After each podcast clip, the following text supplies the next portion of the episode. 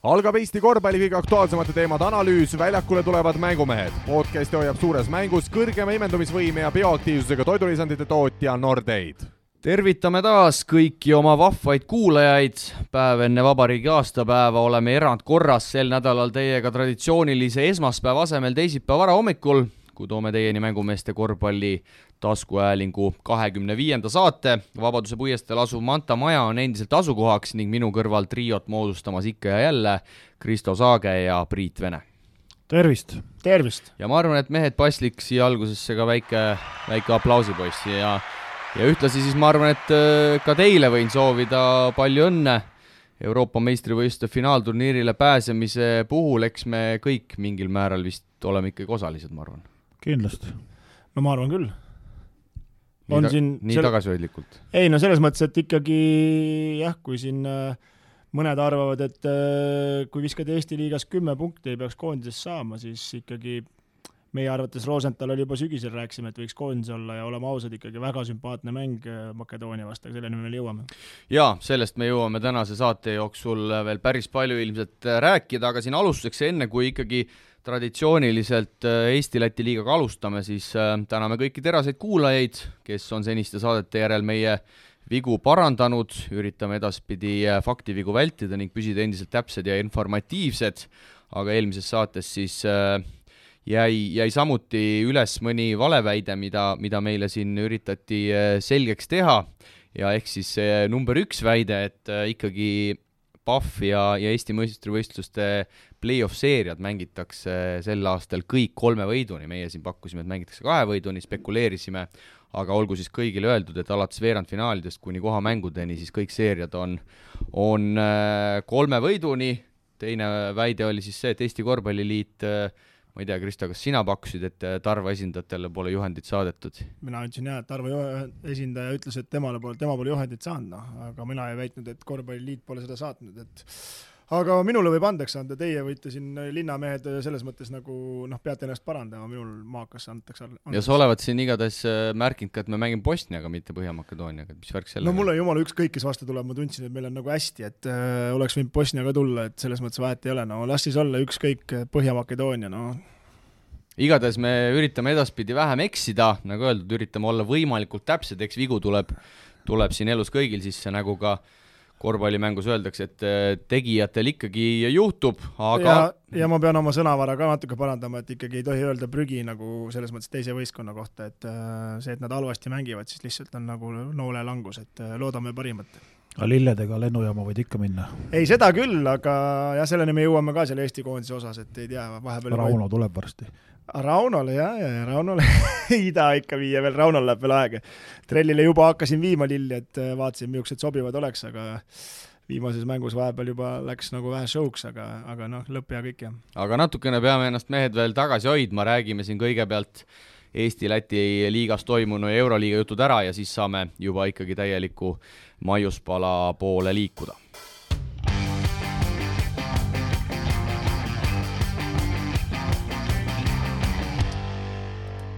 eelmisel nädalal toimus siis koondise mängude tõttu kohalikus liigas äh, vaid üks kohtumine, reedel alistas korvpalli meistriliiga arvestusse läinud mängus Rapla võõrsil Rakvere Tarva kaheksakümmend neli, seitsekümmend kaks ja, ja Rapla on endiselt, äh, kordan üle, sealt isolatsioonist ikkagi tublisti välja tulnud ja, ja kolmest mängust on kolm võitu ära võetud, mis, mis mehed sellest kohtumisest äh, silma jäi, kui üldse siin koondise mängude kõrval seda vaadata jõudsite? vaatasime ikka ja ikka Ameerika mäed ikka kestavad, et, et ikka Rak-, Rakvere paneb ikka niisuguse võhinaga üles-alla, et, et ei oska nagu seda isegi, ei oska isegi öelda, et kus see pidur võiks olla või kus seda gaasi peaks nagu maha võtma või juurde panema, et kuidagi läheb kogu aeg midagi ikka nii, nii mättasse, et, et noh, jälle Rapla muidugi, Rapla on kuidagi leidnud nagu nüüd niisuguse soliidse tasakaalu, ma ütleks, et, et et uus mees ikkagi toimetab päris korralikult ja kõik leiavad nagu omad kohad ja, ja ja kuidagi noh, aga sa, teisalt ma ütlen, et noh, Raka, Rakvere Ameerika mäed ei, ei olnudki, ei teinud seda elu Rapla nii raskeks. jah, et äh, vaatasin ka terve mängu ära ja no pean Priiduga nõustuma, et äh, Rapla nagu oli nii enesekindel oma mänguplaanis ja toimetamises ja teadsid, et nad võtavad selle võidu ära, kui peavad sellest plaanist kinni ja Tarvas nagu ütleme nii, et sähvatab paar korda mängu jooksul, aga no lollusi tuleb ka ikka nii metsikult palju sisse, et äh, sellega niimoodi võita nagu on päris raske. Aga üks asi, mis äh, võib-olla, et on siin silma jäänud nüüd pärast seda Kuksiksi liitumist, et äh, Tarval see pall enam ei taha niivõrd hästi liikuda, kui Kuksiks on, et ikkagi äh, võib-olla otsitakse teda natukene palju, igatahes kui varem Tarvas jättis mulle sellise võistkonna mulje, et see pall äärelt äärele, selle motion liikumisega kogu aeg kõik said palli puutuda, siis nüüd on see nagu veidi ära kadunud või, või te midagi sellist ei ole täheldanud? no see, seda oli natuke oodata, et ega Kuksiks, Kuksiks tuleb siia ju ikkagi oma, oma numbreid ka tegema, noh, kindlasti ta peatreeneriga on mingid omad jutud olnud läti keeles, teised sellest väga aru ei saa, kes seal toimetavad peale ühe mehe. Ja, ja, ja noh, selge see, et, et kui ta ikkagi on viskaja, siis ta võtab osad viskajad varem ära, kui see pall kuhugi nagu jõudma hakkab, et noh, kindlasti on siin hooaja lõpupoole ohumärgid, et Tormi Niits võib-olla hakkab vähem saama ja, ja, ja, ja, ja noh, ja, ja võib-olla mõni teine mees veel, et ega Aller on ju ka tegelikult äh, üsnagi varju vajunud peale seda Kuksiksi tulekut. ja, ja see mänguplaan nagu ma ei tea, mulle pole ise mängides, äh, pole kunagi nagu meeldinud see, et hakatakse nagu jõuga suruma, et seal selle ruudu vastu hakati seda kuksiks kohe otsima, seal korvi all ilgelt suruma. Lindmets oli kolmes taga, okei okay,, paar korda pani välja, Lindmets pani sisse, seal üks või kaks, kaks tükki pani vist sisse, eks aga, aga kui Kuksiks võttis selle tagasihüppelt viske, lauas pole kedagi, noh, et kõik ülejäänud vennad on neli tükki joone taga, et see on nagu minu arust nagu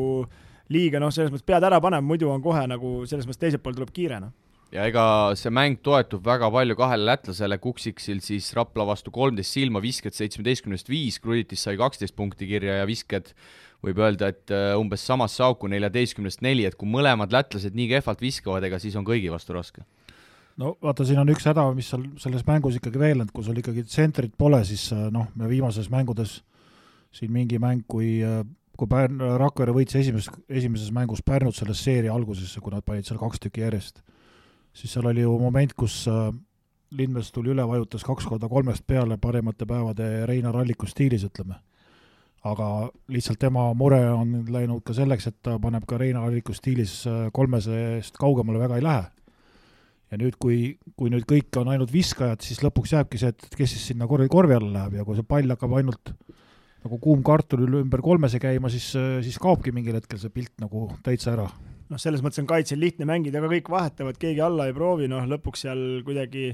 jõuga nagu proovid, et äh, Tarvas on ikka see meeskond, kes peab jooksma saama, et viis viie vastu minu arvates nad ei ole nagu väga, väga head ja ja no eriti, kui sa viiekesti seal joone taga oled ja kordamööda proovid, et äh, nagu lätlased panevad kolmkümmend üks üheksa viskeid, no mis sa tahad siis?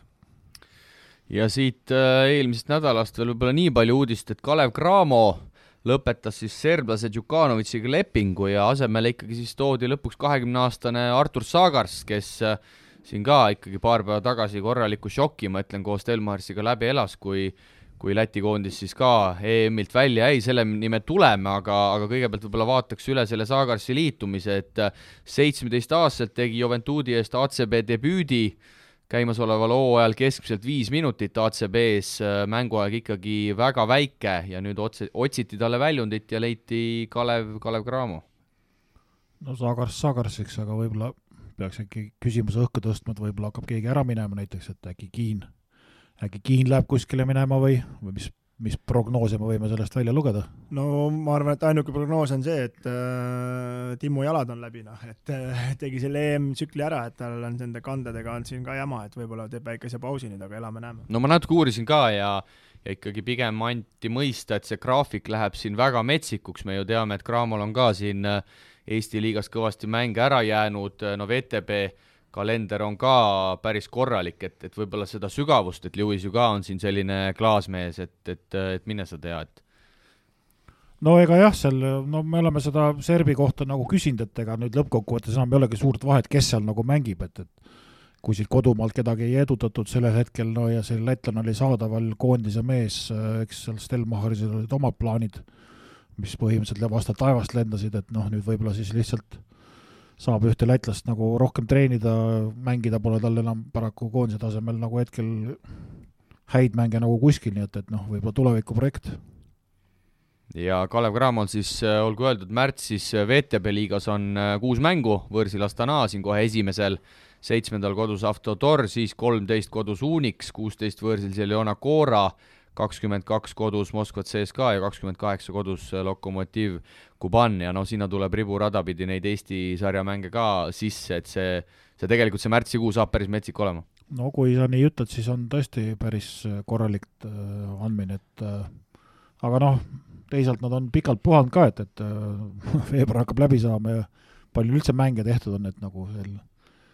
elu on nagu selline, aga jah, eks ta nii käib. ja siia Tallinna Kalevist ka, no siin tuli ka uudis, et äh, jälle suur puhastus, kaks uut meest, kõigepealt kordame ära, et äh, Jeremy McLaughlin Kadrina karudesse Andres Sõbra juurde ja ja pakkus ennast äh, minu andmetel ka juba TalTechi meeskonnale, lisaks siis lahkusid Timmins, kes lahkus põhjusel, et muidu lihtsalt mees alles vist sügisel oleks saanud Uus-Meremaale oma koduriiki sisse ja ja Ross siis, ma ei tea, Hiina, Hongkongi, kus iganes teda see hea elu ees ootab aga selle serblase Sinadinovitši kohta vist on nii palju infot, et äh, endiselt vist kuskil siin Tallinnas. jah, nii palju kui meie teame, siis või kuulda on olnud, et teda on ikka linna peal nähtud ja sõidab autoga ja, ja, ja ja, ja ei ole ta veel kuhugi läinud, et, et äh, eks, eks seal ole omad, omad case'id, mida ta peavad klubi ja mängija ja agent omavahel lahendama, nii et äh, see saaga veel kestab. kas seda, Kristo, võib nimetada garanteeritud lepinguks? No või ta võib nimetada, et äkki läheb, viib jälle buss, buss viib sinna Kadrina poole, et äh, ei oska öelda, mina ei tea, minul ei oska öelda, jah, pole kunagi niisuguseid lepinguid olnud ja pole kellegagi vaielda, aga aga ju siis ämbrisse on istutud ja mingil põhjusel ära ei taha minna ja no tõenäoliselt arvestades tema mänguvormi ja oskusi, siis tal polegi kuhugi minna. Noh. no kui siin McLaughlin pakub ennast ise lausa meistriliiga klubidele, kas siis te näete, et et keegi võiks ta üles korjata või see tase ikkagi pigem jääbki sinna karudesse? sa mõtled McLaughlinit? McLaughlinit, just no kuidas võtta, no mina, ei tea, mina ei ole seda Kalevist ära saatnud selles mõttes, et, et et ta ei olnud mingisugune e-, esimese järgu täht, aga, aga mingid hetked ta ju ikkagi päris korralikult keeras seal, nagu sa ütled, silmad kinni ära, et aga no me ei tea seda klubi strateegiat, et seda on nagu päris raske nagu lahti arutada. jah ja üks uudis veel, no kõigepealt räägime need uued mehed ka ära. Kalev äh, on siis sõlminud lepingud ameeriklaste Tyler Robinsoni, kahekümne kuue aastase korvialuse mehega ja, ja tagamehe Antonio Williamsiga, temal siis vanust kakskümmend neli aastat ja ja Williams siis äh, alustas tänavust hooaega Šveitsi kõrgliigas ja tuleb siis Robinson otse äh, otse Ameerikast, äh, pärast ülikooli aastaid siis NBA G-liigas äh, mängis kahe meeskonna ees ja sai kokku kirja kakskümmend kaks mängu, no siit ei ole ilmselt midagi lisada, et me näeme alles siis, kui need mehed sealt bussijaamast, äh, bussi pealt maha tulevad. jah, no ega siin tõesti, no kui ikkagi, eks need šveitslased siis proovisid ka kalastada esimese aasta meest, aga aga millegiga ei, nagu ei, ei läinud nagu pihta ja, ja kuidagi ta on vabaks jäänud, et mine tea, mine tea, noh, et, et ega meil tuli, näed, Raplasse tuli ka Kreeka liigast mees ja, ja mängib, mängib täitsa enam-vähem, et, et vaatame äkki, äkki midagi ikka Kalevil õnnestub ka. no selles mõttes ega enam valja-, variante pole, et nüüd peavad täppi panema ja nendega peavad hakkama saama, et eh, kahjuks siin eh, rohkem vahetada ei saa, et eh, nagu ikkagi me aru saime, siis veebruari lõpus läheb lukku see tähtaeg ja nüüd peab nende meestega, kes on, ära mängima. no Kristo, selle jutu nii-öelda jätkuks siit veel, nagu me teame, et korralik pommuudis tuli ka siin koondise mängude vahepeal, et Kangur ja Tehnikaülikooli meeskond lõpetasid koostöö, et kas, kas Tallinna Kalev tegelikult, vaadates nende korvialust, võiks nüüd sinnapoole hoopis vaadata? no kindlasti nad tahavad teda saada, aga kas ta läheb, see on teine küsimus ja selle kohta mul vastust ei ole no mis sa, Priit, arvad, kas, kas Kangurit me veel siin Eesti kõrgemal tasemel mängimas näeme, mis sisetunne ütleb? No raske, raske nagu kommenteerida, et äh, ei tea nagu tausta väga ja ja ei ole nagu kuulnud ka, et juba päris vaikus on nagu linna peal selle koha pealt, et äh, et äh, eks need Kalev on oma otsused juba tegelikult ju varem ära teinud ja, ja ja niisugune pommuudis võib-olla, mis siin paar päeva tagasi tuli, et Kangur lahkub, noh, ega nad selleks piltlikult öeldes, ma arvan, valmis ei olnud, et võib-olla nüüd siis kähku mängivad siin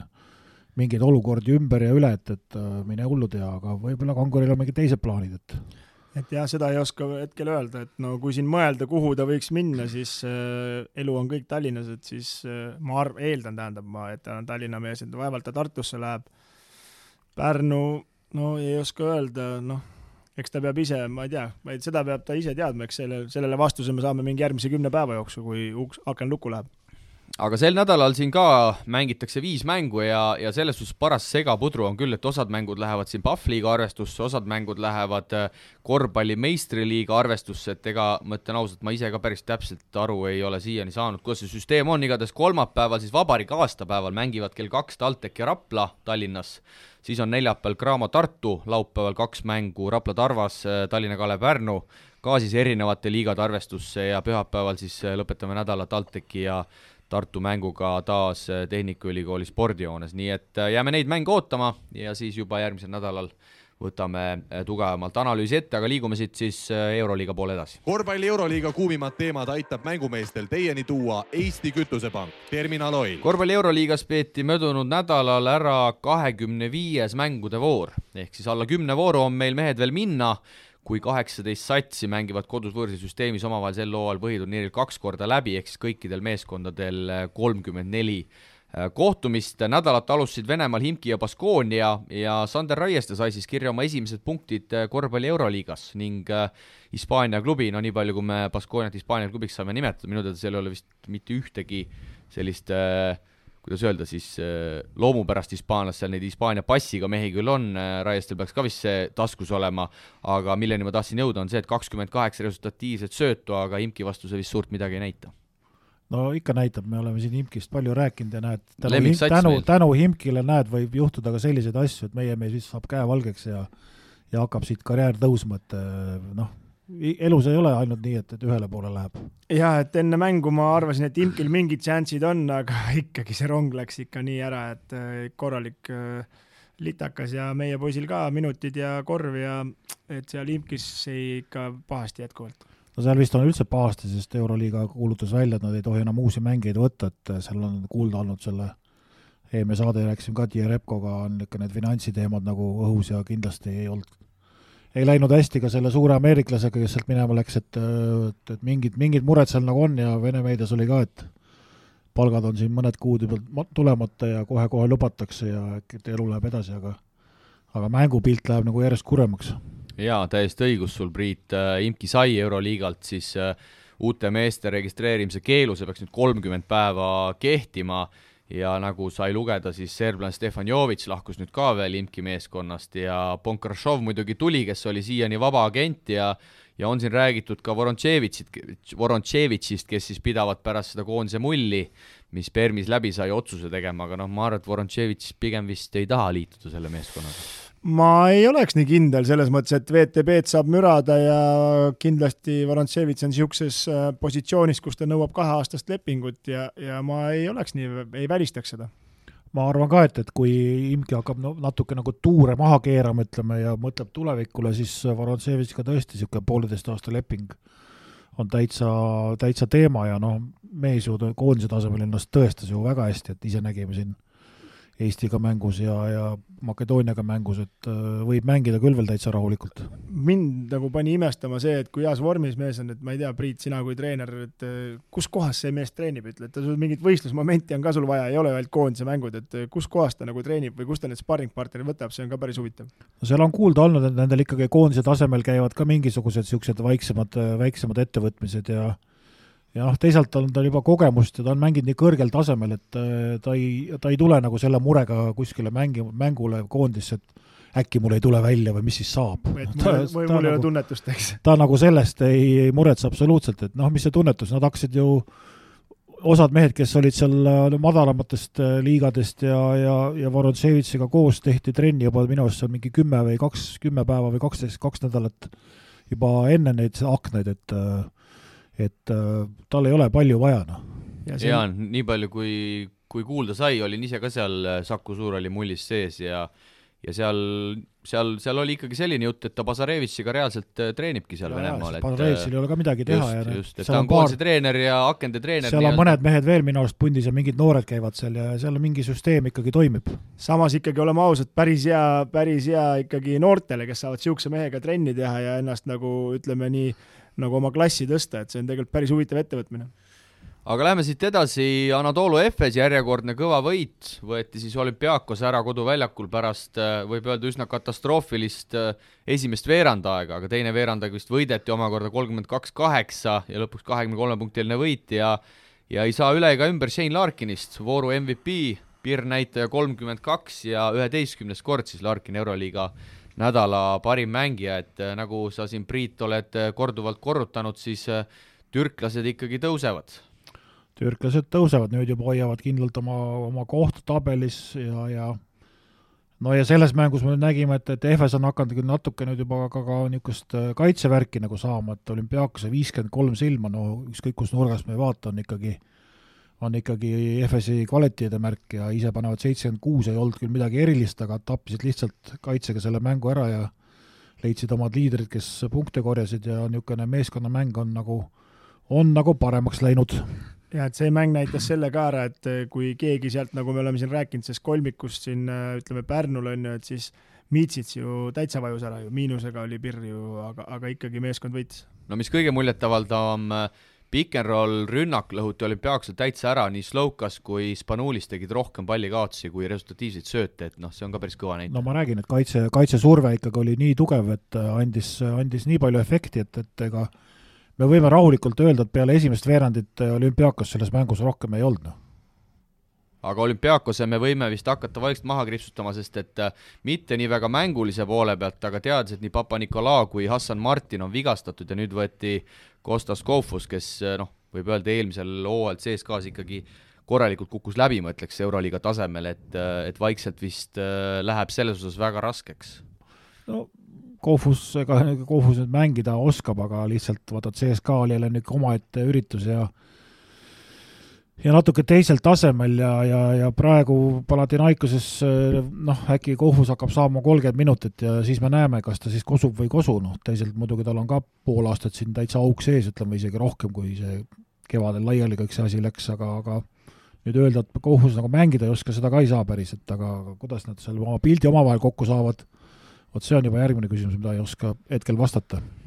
Milano Maccabi oli ka mäng, mille me siin tegelikult üle-eelmises saates välja reklaamisite, aga, aga läks ikkagi vägagi ühte auku ja me kartsime, et Maccabil seda Euroliiga praktikat äh, ei ole pikalt olnud, et ei ole riiki vastaseid sisse lastud ja ja no Milanolt ei taha midagi ära võtta, nad on muidugi väga võimsas hoos, aga Vilbekin hoiti nulli peal, Milano võitis kodus kaheksakümmend seitse kuuskümmend kaheksa ja, ja noh, nagu me teame, see Copa d'Itaalia, no Milano pani seal ka ikkagi no kõigile korraliku haamri, et see sats on ikkagi sats, kellega tuleb sel hooajal kõvasti arvestada. jaa, no selle me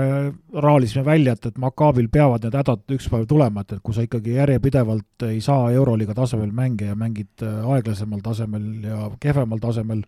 siis ei ole see sissetulek nii lihtne, et, et ukse lahti ja kogu aeg hakkad paugutama hea näide, hea näide, et äh, osad asjad ikkagi maailmas toimivad.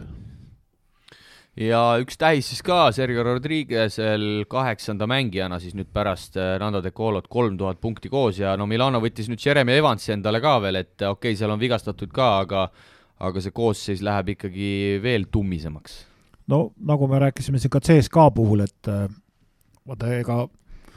Milano ju tuleb tegelikult üsna sügavast august, nad pole siin aastaid midagi saanud ja nüüd on see hetk siis, kus nad praegu tunnetavad, et nad ei tohi grammigi järgi anda ja, ja parem võtame selle ühe mehe ja kannatame see aasta ära, aga me peame mingil hetkel nagu midagi näitama ka, et, et muidu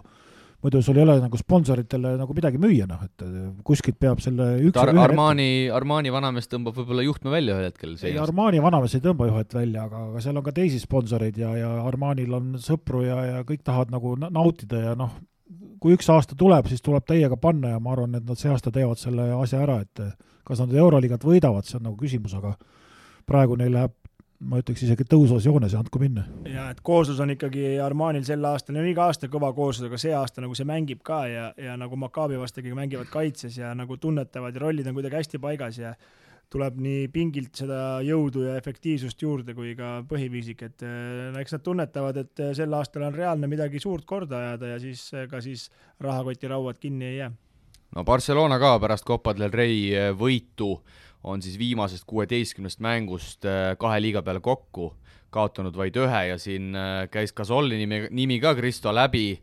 küll äh, ühel hetkel lükati ikkagi need kuulutud tagasi, aga see äh, Žalgirise mäng, millel ma tahtsin siis peatuda, no seal ikkagi tõmmati niimoodi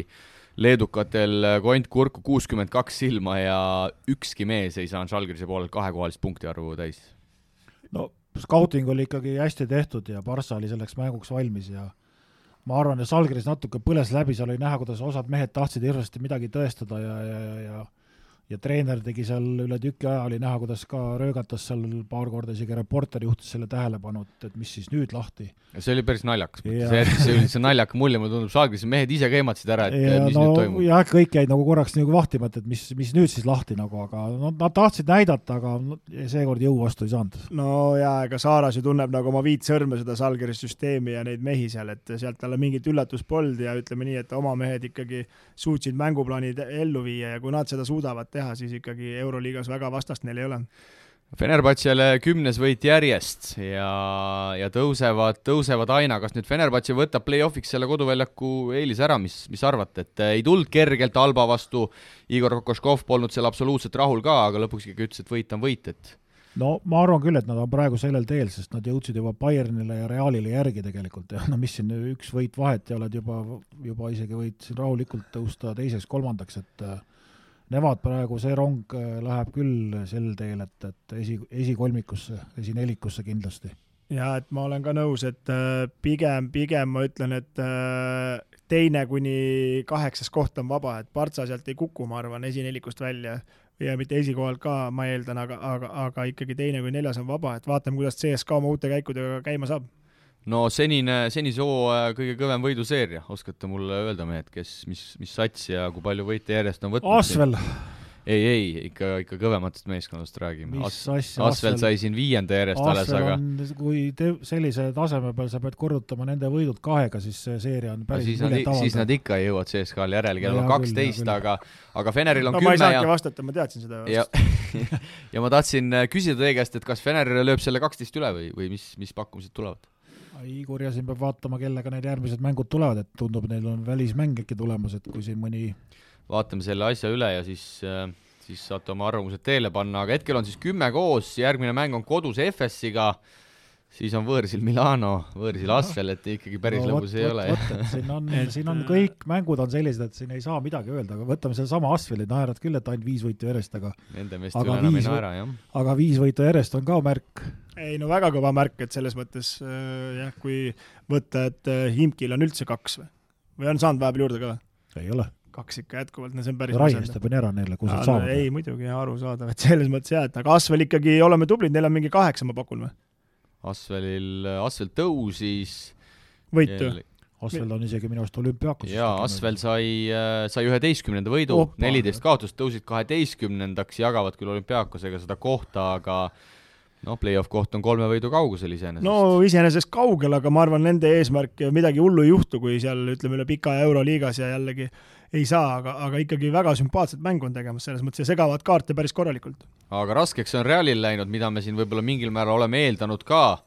siin mitmed mehed jälle vigased, Fernandes nüüd kukkus vigastusega välja ja ja no Valencia pani nad ikkagi päris korralikult kodus paika, seal vahe juba vahepeal kas esimese poole lõpus paisus kahekümne peale ja, ja lõpuks Carroll pani seal küll vihaselt kolme ja ja kogus seal mängu alguses kohe kõvasti punkte, aga kaheksakümmend üheksa, seitsekümmend kaheksa kindel võit Valenciale. jaa, see oli väga, väga kindel võit, aga vot siin on nüüd nagu, kui me rääkisime enne, et osad võistkonnad nagu ohverdavad siin mingisuguseid summasid võib-olla millegi arvelt, tuleviku arvelt, siis Reali koha peal on nagu kahtlaselt vaikus, et, et et ainuke, mis kuulda oli, et, et äkki vaatavad Gustavo Jaani poole, aga noh, et kes siis palle käest, kätte hakkab andma, et sellest ma nagu siiamaani ei ole veel aru saanud, et sellest pole midagi kuulda olnud. jaa, ei see Valencia mängu vaatasin ka ikkagi, ikkagi ma ei tea, täitsa lapatuu ikkagi käib seal ja ja huvitav jah, et äh, nendel ju rahaprobleemid võiks olla, et jalka annab neile, et nad on iga aasta mingi paari milliga miinuses, aga, aga panevad aga edasi, et äh, võiks ju tegelikult, aga ma arvan, mingi käigu teevad, et nii no võib-olla Veesaar on vaja tuua üles. no point guard'iks või? väga paljuks ei lähe või? ei, kui nad võtavad Gustavo ja Jooni, mis see neil aitab, selles mõttes, et neil on ju pikad olemas, selles mõttes, et äh,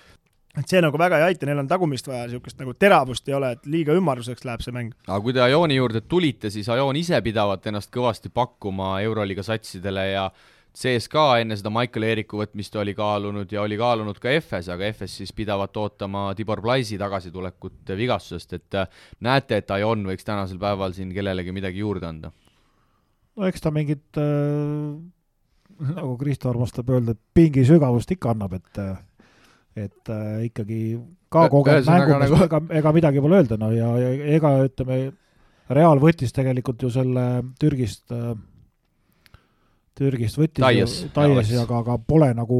pole tulnud midagi. see ei ole see jah, et ja, ja ei saa isegi platsile panna kokkuvõttes, et, et noh, et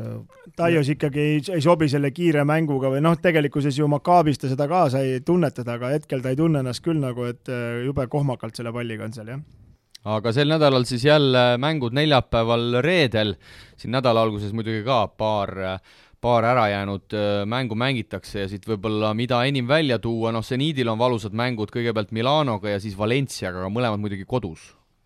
aga seniidist rääkides, noh, seniit sai ka äh, ikkagi väga napilt sai nüüd järje peale kolm rasket valusat kaotust tuli järjest kõvade satside vastu ka, aga nüüd äh, Zvestat võideti võõrsil ühega ja Zvestal oli tegelikult seal viis põhimeest vist puudu, et äh, et väga oluline võit sellegipoolest äh, Pascuali meeskonnal, aga Pascual ütles ka, et noh, niimoodi me jätkata ei saa, et kui me tahame play-off kohta hoida, et siis tuleb siit ikka kõvasti juurde panna. siis tuleb ikka juurde panna jaa, aga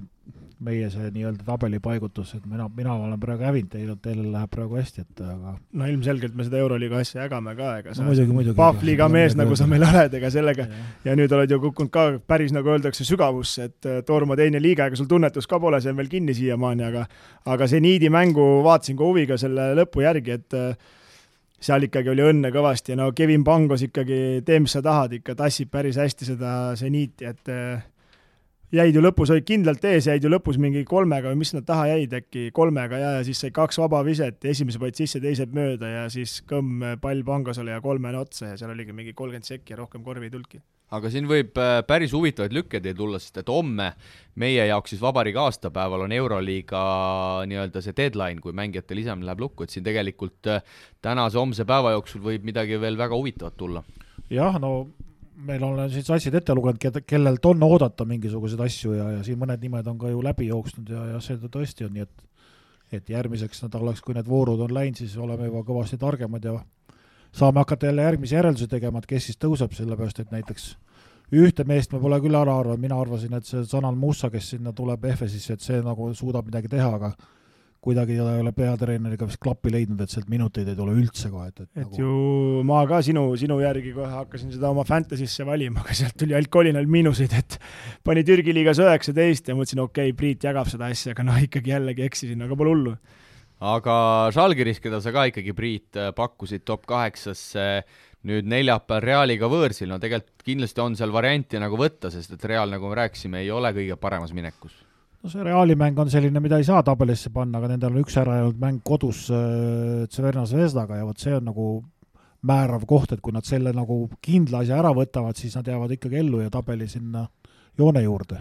ja minu arust see Reali mäng on täpselt nii, et kumb paremini minema saab, et äh, Salgerisel on ka, et vaja kohe head algus, algus head tunnetust saada ja hakkavad need kolmesed kukkuma, siis on nagu pidurdamatud ja ega see Real on täpselt samasugune, ega seal muud ei ole, et kui kolmesed kukkuma hakkavad, siis nad tunnevad ennast hästi. aga nagu Jassikevitš pärast seda mängu ütles Žalgirise vastu, siis et äh, tegelikult World Cup oli, oli küsimärgiga enne mängu, et seal vist korralik kõhuviirus oli olnud ja, ja noh, nagu me teame, Jassikevitš ju tahtis World Cupi tegelikult äh, Barcelonasse saada ja ütles ka, et noh, ilma World Cupita see sats on hoopis, hoopis teine sats. no on ikka jaa, ja aga noh, Žalgirise noh, väikese eelise annab see, et nad just said mängida Barcelonaga ja no nüüd nad tundsid seda taset nagu ja mis see mäng nagu kaasa toob ja seda käiakse treeningutel läbi ja ja vaadatakse neid momente ja, ja see, see on nagu kõigil füüsiliselt meeles, et kuidas see mäng nagu käib ja nüüd Reali vastu valmistumine on selle võrra nagu, nagu lihtsam, et, et, et nüüd nad teavad, mille jaoks nad valmis on. aga siit äh, jääme huviga siis ootama neid äh, selle nädala mänge ja ja nagu öeldud, see play-off tuleb iga päevaga ikkagi aina, aina lähemale ja need mängud selle võrra lähevad, lähevad ikkagi, ikkagi valusamaks, aga, aga, aga kiire, kiire küsimus sulle veel, et kas see Euroliiga deadline on niimoodi, et saad ainult Euroliigast väljapoolt võtta või saab sisemiselt ka võtta kedagi või? Eh, minu teada kakskümmend neli kõik lukus. ei, ma mõtlen, et kas sa saad võtta näiteks, äh, ma ei tea, Real võtab Cervenas Vestast ei, aga seda ei saa ju, see on meil siin läbi käinud, et äh, mm. et nii ei saa niikuinii, sest et ÖRTL-i ju teised Euroliiga satsid ei saa see saa... läks juba lukku ja, aasta alguses ja, ja et nüüd saad ainult väljaspool Euroliigat võtta, jah? saad oma noortesüsteemist tõsta kedagi minu arust just, just, aga vaatame jah, mis liikumisi siin veel tehakse, igatahes tänase saate peateema siis, kui liigume siit äh, eestlased välismaal rubriigi juurde ja, ja hakkame siis äh, lahkama Eesti rahvuskoondise jõudmist Euroopa meistrivõistluste finaalturniirile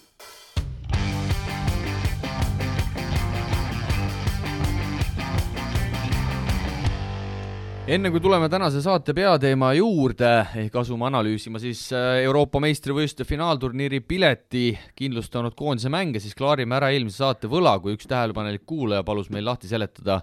Euroopa klubi, klubikorvpallisarjade nii-öelda hierarhia ehk siis rahvusvaheliste liigade jõujooned. me rääkisime siin äh, Eurocupi tulemustest eelmine nädal ja põgusalt oleme ka puudutanud Champions League'i siis äh, nii palju võime öelda, et äh, kaks erinevat korraldajat, Euroliiga siis korraldab äh, nii Turkish Airline Euroliigat kui Eurocupi ja Fibale on jäänud siis Fiba meistrite liiga ja Fiba Europe Cup ja ja ma arvan, et me võime vist mehed nii öelda küll, et Euroliiga tugevuselt number üks, Eurocup number kaks veel, meistrite liiga number kolm ja ja Fiba Europe Cup, kuhu siis järgmine hooaeg tahab minna Pärnu, on siis äh, tugevuselt neljas sari. hetkel täiesti õige järjestus jah, nõustun ainult, mis mul muud öelda. aga seda võib vist küll öelda, et see meistrite liiga jõudsalt tuleb järgi, aga tänasel päeval, kui me nüüd mõtleme nendele satsidele ka tagasi, kes siin äh, eelmisel nädalal jutus läbi käisid, siis Eurocup ikkagi selgelt on hetkel veel tugevam. no vaata, Viba üritab äh, jõuga sinna jälle jalga ukse vahele lükata ja, ja meelitab neid klubisid nagu rahaga, aga aga natukene tausta teades ja uurides, siis äh, siis vaata, see asi on nagu valest otsast jälle üles ehitatud, nii nagu see viba juba eelmine kord kõrbes ja Euroliiga tekkis, on praegu hetkel täpselt samamoodi, et nad üritavad klubisid meelitada, pakuvad mingit raha, aga süsteem ei ole nagu välja töötatud, et kui Euroliiga hakkas ikkagi kõigepealt NBA pealt õppima, et kuidas see majandamine käib, mis selleks teha, millised on nõuded, lepingud televisioonide, kõikide asjadega, peasponsorid, noh, kas sina tead näiteks hetkel, kes on siis Viba Champions League'i peasponsor? Ega ei tea küll no,, mis seal salata. et mina ka ei tea ja ma ei ole ausalt öeldes nagu vaadanud, aga kui nad ise seda ei suuda välja reklaamida, siis noh, ma ei hakkagi seda nagu taga otsima, et, et lihtsalt äh, nii on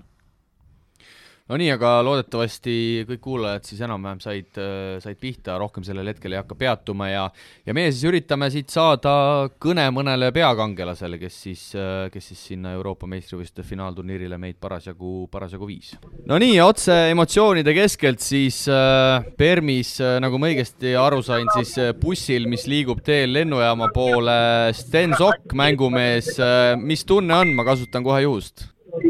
tunne on hea rahul, hea, hea meel äh, võist-, terve võistkonna üle. hea meel muidugi, et äh, midagi pärast buss jäi väga vaikseks, et midagi juhtus seal või? ei, ei absoluutselt, ei, ei, ei niisugust asja ei ole, muusika taga käib, möla ees käib, et ma olen siin muisi-, ma olen vanainimeste sektoris siin äh, bussi eespool, et siin on vaiksem kas selle asja nimi on süvaanalüüs või, või, või, või, või kuidas, või taga, tagasihoidlik tähistamine või mis selle asja nimi on? Ei, analüüsivad ikkagi siin ees kõik, võtavad täiesti rahulikult äh,, äh, väga viisakalt. no aga siis jääb ainult üle küsida, et mis siis juhtus? me jõuame veel kell kaksteist Tallinnasse, peab, peab ju kuidagi Eestisse ka jõudma, et, äh, et äh, kõik tuleb omal ajal aga ma siis hakkan kohe, hakkame ikkagi mänguanalüüsiga pihta, et see ülejäänud analüüs, see tuleb hiljem järgi, et äh, kuidas äh, tänasele mängule nagu vastu mindi, kas oli ka tunda natuke niisugust närvilust ja või, või nagu selle mängu kaalu oli, oli nagu tunnetada enne mängu juba riietusruumis? eks ta ikka oli, eks ma arvan, et inimesed ka nägid, et esimesed niisugune kolm-neli minutit oli mõlemalt poolt parajalt rabistamist, et äh, äh, noored mehed äh,, kogemusi sellistes kohtades väga ei ole, aga aga minu arust meie kutid küll said äh, väga suurepäraselt selle kogu asjaga hakkama. no selles on sul õigus, et võib isegi öelda, et vastaste noor talent põles minu arust rohkem läbi kui, kui meie mehed. no eks, eks nad äh, selles mõttes, neil oli ikkagi neljas mäng ka, et põles läbi või mitte. no eks me mängisimegi selle peale, et tema ei tohi väga siin midagi teha, noh ütled läbi, põles läbi küll, aga samas pani kakskümmend kolm pani kakskümmend kolm sanga meile, et äh, tegi ju iseenesest korraliku mängu, pigem võib-olla mingid teised mehed seal kõrvalt kadusid. jaa, aga vaata, siin on niisugune väike nüanss, et, et kas sa viskad punkti õigel ajal või valel ajal, et kui me võtame nagu Eesti võitis Itaaliat, ütleme, või teie võitsite, siis te viskasite korve nagu õigel ajal, nii et vastased ei saanudki nagu mängu, ütleme, enamus ajast nagu tagasi, aga, aga täna oli nagu vastupidi, et, et nemad viskasid punkte nagu või tema viskas nagu valel ajal, ütleme, et, et te saite ikkagi selle võrra nagu eelise. eks ta, eks ta seal hakkas punnitama jah mingi hetk, et äh, noh, natukene on see serbide ohvri, ohvri mentaliteet ka, sai väikse löögi ka ja, ja, ja väsimus ja kõik asjad kokku, et mina arvan, et äh, meie need Martin Torbek ja, ja Märt Rosenthal võtsid tal väga hästi isu ka ära, et ei ole lihtne, kui kogu aeg vahetustega sul keegi seda, seda noh, mängurütmi üritab ära võtta, et ei lase sul palli saada või käib peale. no ikkagi teist äh, palli käsitlejat neil väga ikkagi ei olnud, et, et kogu surve langes tema peale, ega tal kerge seal ei olnud sa mängisid äh,, Sten, äh, selles otsustavas mängus, ma ütleks, vaid kakskümmend kaks minutit, et äh, et kas asi on äh, selles jalavigastuses võib-olla mitte niivõrd heas vormis või, või miks neid minuteid võib-olla isegi üllatavalt vähe tuli, vaadates, kui hästi sa seda viimast mängu mängisid? ma arvan, seal on mitut asja, esiteks meil on ikkagi äh, terve meeskond on häid mehi täis, ei ole, noh, tänapäeva korvpallis peadki kahekümne minutiga omad asjad ära tegema, et, et siin ei ole see, et keegi peab enam kolmkümmend minutit mängima. see on punkt üks, äh, punkt kaks. Äh, jalg ei ole väga heas seisus praegu. Äh, et, et sellest ka on füüsiline vorm võib-olla ei ole nii hea, et, et ei, ei pea nii kaua vastu järjest väljakul. et ma arvan, et mul tuleb kõvasti nuputamist pärast seda akent, et kas kas ja kuidas seda hooaega üldse jätkata, et lõppkokkuvõttes mul on äh, selle, noh, mul on juba varakult ära öeldud, et, et kui ma tahan, siis, kui ma tahan oma karjääri jätkata, siis ma pean nagunii puhastama minema ja praegu isegi üldjoontes enam valuvaigistid enam ei aita selle valu vastu, et, et, et võtavad natukene maha küll, aga, aga miks, miks ma eile ei mänginud, ongi see, et kui ma oleks eile ka mänginud, siis oleks, jalg oleks lihtsalt nii täis tõmmanud, et ma ei oleks täna liikuda saanud väga palju okei okay,, aga kui te eile vaatasite enne Venemaaga mängu, Itaalia mängu, et kas äh, oli nagu tundus poolajal kõik hästi, et Itaalia toob ise teile nagu EM-finaalpileti ja pärast ikkagi pidite ise otsustama, et mis tunded pärast seda mängu valdasid? eks ta kindlasti oli raske olukord, et aga, aga ma arvan, et kurb on see, et ma arvan, et meie noored mehed on nii tublid ja nii ägedad, et, et nemad nagu selle peale väga rõhku ei pannudki, et nemad tahtsid ikkagi täna näidata ja võita, et pigem olin mina vanamees see, kes lootis, et äkki saab ükskord natuke lihtsamalt ka, et, et ei oleks täna võib-olla isegi mänginud, et aga, aga no elus läheb ikka nii, et juhtuvad need asjad. teiste õnne peale, teiste õnne peale, jah, teiste õnne peale ei tasu loota, tuleb ikka ise otsustada. täpselt, absoluutselt kui nüüd sellele viimasele mängule veel tagasi vaadata, siis äh, oskad sa öelda enne seda mängu, kui äh, kui kõva nii-öelda pressure või selline pinge meestel peal oli, et no ma arvan, et sina oled ikkagi niivõrd vana kala, et sina väga ei, väga ei sabistanud ja närvitsenud, aga kuidas selles noores koondises oli tunda ka sellist ärevust ja, ja pingeseisundit? eks ta, kindlasti on, no et, et, et äh, mehed on ju noored, võib-olla sellises äh, olukorras nad no, ei ole väga tihti olnud. aga noh, nagu ma enne ütlesin, minu arust nad said äh, väga hästi hakkama, et mul mul ongi endal hea meel, et ma ei ole eh, kunagi mingi top level mees olnud, et aga vähemalt ma sain neid natukene nagu maha rahustada ja, ja, ja oma võib-olla sõnadega ja oma mänguga neid ka rahustada, et, et äh, mul tõesti on äh, noh, väga hea meel selle võistkonna osa olla. hästi kihvtid kutid on ütle vahepeal Torbekule, et ta jäi juba teiseks, et ärgu pumbaka vahele, et me ei taha temaga rääkida rohkem, et ta muudkui helistab siia vahele, tahab ka nüüd saada kaptenina vist peale, et aga nüüd äh, kas, kas meie noore koondise see nõrkus nagu tuli välja, et me ei oska nagu edu hoida nii Itaalia mängus kui äh, Põhja-Makedooniaga mängus ikkagi kui sulama hakkas, siis hakkas ikkagi ereda leegiga, et no õnneks meil oli see handicap äh, Põhja-Makedooniaga olemas, selles polnud probleemi, et lõpus oli päris naljakas, kui ta pidi meelega viskama vabakaid mööda, aga, aga, aga oli natuke tunda seda. Ma ei tea, kas ma, ma ei, äh, mina ei kommenteeriks seda nõrkusena, et, et see on, see on puhtalt kogemused ja see on, äh, see on, ütleme nagu me teame, et niisugune natukene nagu võidukartus või, et aga noh, see ei ole ju ainult see ei puuduta ainult Eesti võistkonda, et, et, et seda on juhtunud Euroliigas, seda on juhtunud kõrgemal tasemel, et äh, vastasvõistkonnad tulevad järgi, et see ongi nüüd see kogemuste hankimine, et äh, ütleme, pooleteise aasta pärast on nüüd EM meil on minu arust väga, väga kihvti koosluse saavad, saavad sa, on võimalik kokku panna meestel, et et, et see järgmine EM võiks justkui nagu niisugune kogemuste kogumine olla ja, ja, ja kui tuleb tulemus, mis on minu arust meie, meie seda potentsiaali vaadates täitsa võimalik, see on ainult boonus, et, ei tasu meestele liiga suurt pinget peale panna, et, et eh, mina olen ka nüüd ühe korra EM-il käinud, algus oli täiesti täielik katastroof, lõpp läks vähe lõbusamaks, aga, aga tänu sellele ja nüüd... neid kutte siin täna aidata, et, et äh, see kõik on endaga omavahel seotud no siia lõppu, Sten, äh, sa vedasid ikkagi mingil määral selle satsi sinna EM-ile ära, ma julgen äh, neid suuri sõnu kasutada. kas sa vead meid ka Euroopa meistrivõistluste finaalturniiril ligi pooleteist aasta pärast või vara, vara spekuleerida?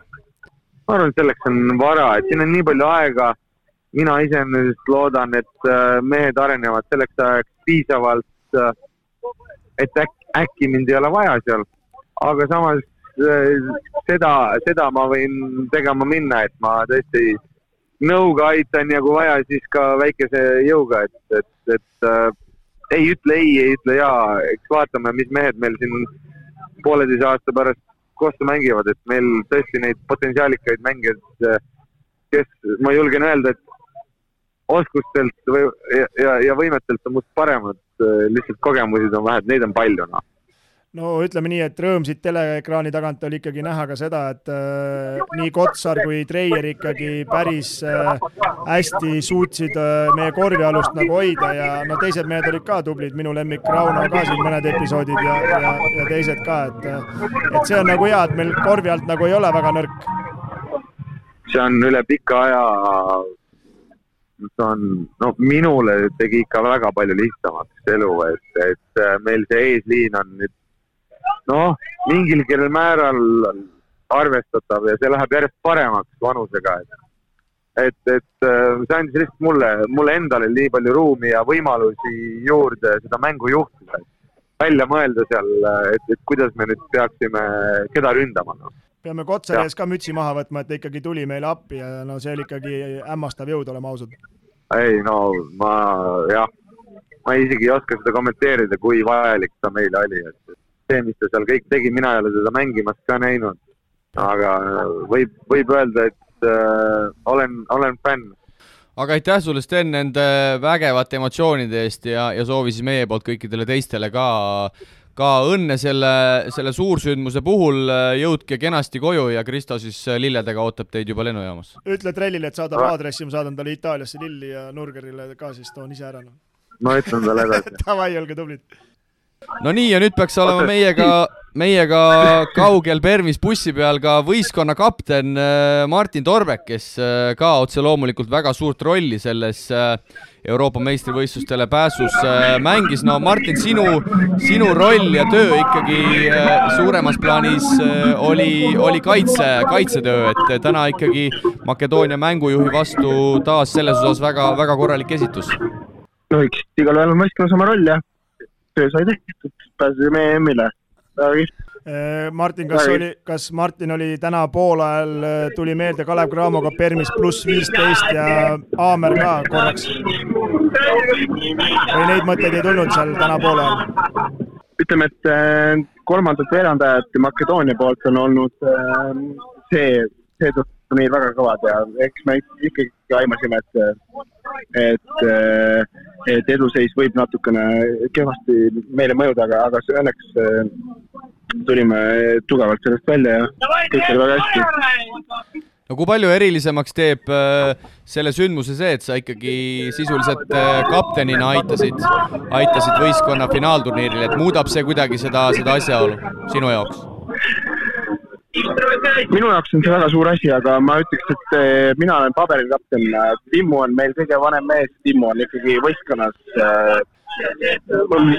ma, ma ei oska sõnadega vanaisa, vanaisa ühesõnaga piltlikult öeldes. Timmu on, Timmu on äh, võistkonna kapten. et mina olen küll paberil treenerile poolt poistel ja ma annan endast parima ja kõik on hästi, aga ma olen teisena küll kõige vanem, aga aga, aga Timmu on, Timmu on, Timmu on legend. aga Martin, niisugune küsimus, et kas täna tegi nagu südamelt soojaks ka, et äh, koondis on äh, vääriline mantliparija kaitses sul, et äh, Rosenthal tegi ikkagi väga muljetavaldava debüüdi? või no õigemini teise mäng küll, aga eile oli debüüt, aga täna ikkagi nii otsustavas mängus ikkagi päris muljetavaldavad mängu tegi.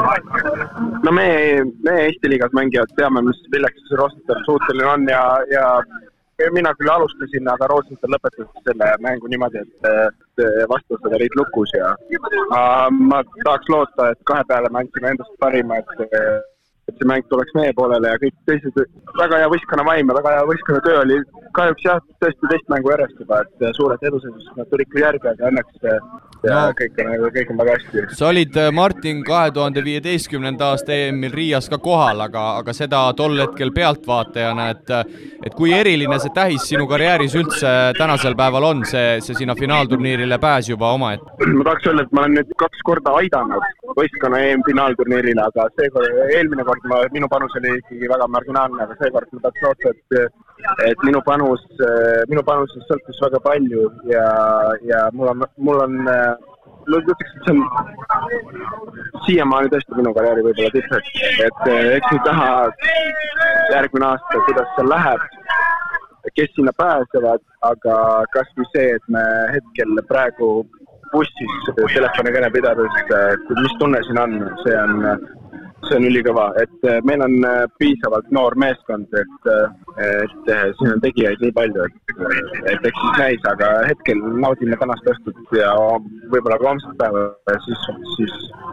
siis juba lähme siit edasi. siis juba Tartu kallale kahekümne viiendal. viimane küsimus, viimane küsimus, Martin. siis on Tartu viimane küsimus, et ilusad lauluhääled seal taga kostuvad, et kes see, kes see peasolist seal bussis teil on hetkel? No siin on kõik noored, et eh, ma ei tunne küll kõiki tunne või? kõiki noori ei tunne satsis? vanana, aga ei, ei, ei, ma, mul, mul, on ajakirjandusega intervjuu Priitlasega et, eh, aitäh! et ma küll ei tunne ennast, eh, ma küll ei tunne ennast vanana, aga ma paneks võib-olla ennast samasse, samasse võrdlusesse, kui mina esimest korda koondises olin, siis võib-olla need vanemad mängijad olid täpselt sama vanad, kui mina praegu olen ja siis ma vaatasin, et kurat, ma olen küll vana, aga aga hetkel ma ei ennast vanana, aga eks, eks noorena ma arvan, et ma ütleks, et äh, filtreid on vähem. ma iseloomustaks seda ja, ja, ja kõik emotsioonid on, äh, on palju ühesõnaga rõõm on, äh, rõõm on kõrvalt seda kõike asja näha. ja, ja ütleme, nagu ma su häälest aru sain, kuule, nagu ma su häälest aru sain, siis päkapikk ikka siblib ringi bussis ja see ei, see ei kao kuhugi ja see möllab ikka edasi. ehk siis Priit Leismets, ikka segab no päkapikk on päkapikk on, kuidas ma iseloomustaks, mõtlen. tutvustab noortele Permi, et ta on seal nii palju käinud või näitab aknast, siin on suur pood ja no, kõik, kõige kõige juhtusem vastus oleks, et, äh, et päkapikk on võistkonna hing, aga, aga päkapikk on äh, näinud nii üht kui teist ja, ja tema nagu kogemus viib edasi. no nii, tundub, et Martin Torbek kadus meil hetkeks äh, liinilt ära, vaatame, kas me, kas me saame ta korraks äh, veel tagasi, tundub, et ka Permis on ikkagi omad, omad äh, leviaugud. kuule, aga ega siis midagi lõpet-. see vist oli leviauk või? jaa, see oli leviauk, aga, aga ei ole hullu. see käib tänase päeva juurde. lõpetuseks siis veel kord mängumeeste poolt kogu satsile palju õnne, jõudke kenasti koju tagasi ja nagu ma juba Sten Sokule ütlesin, siis Krista Saage on teil igatahes lilledega lennujaamas vastus, nii et olge tublid Kristo tuleb lennujaama lilledega vastu või? jaa, ütled, sa võid satsile edasi öelda, nii et, äh, nii et oodake, buketid,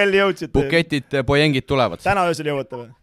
täna nüüd tulema, aga ma siis jään Kristot ootama ja ma olen, ma pean tööle minema või siis ei tea, kas jõuab. ei, ei, Kristo, Kristo, selles mõttes, et sa võiksid ikkagi lennujaama lilledega vastu tulla, kui, kui selles mõttes, Martin, et ma olen siin Nõmme me metsade vahel, et mul on ligemaa sul koju aia taha ootama minna, et ma seal pikutan ei, autos. ei, ei, me hetkel, me läheme hotelli, me peame tegema isolatsioonis olema yeah ja siis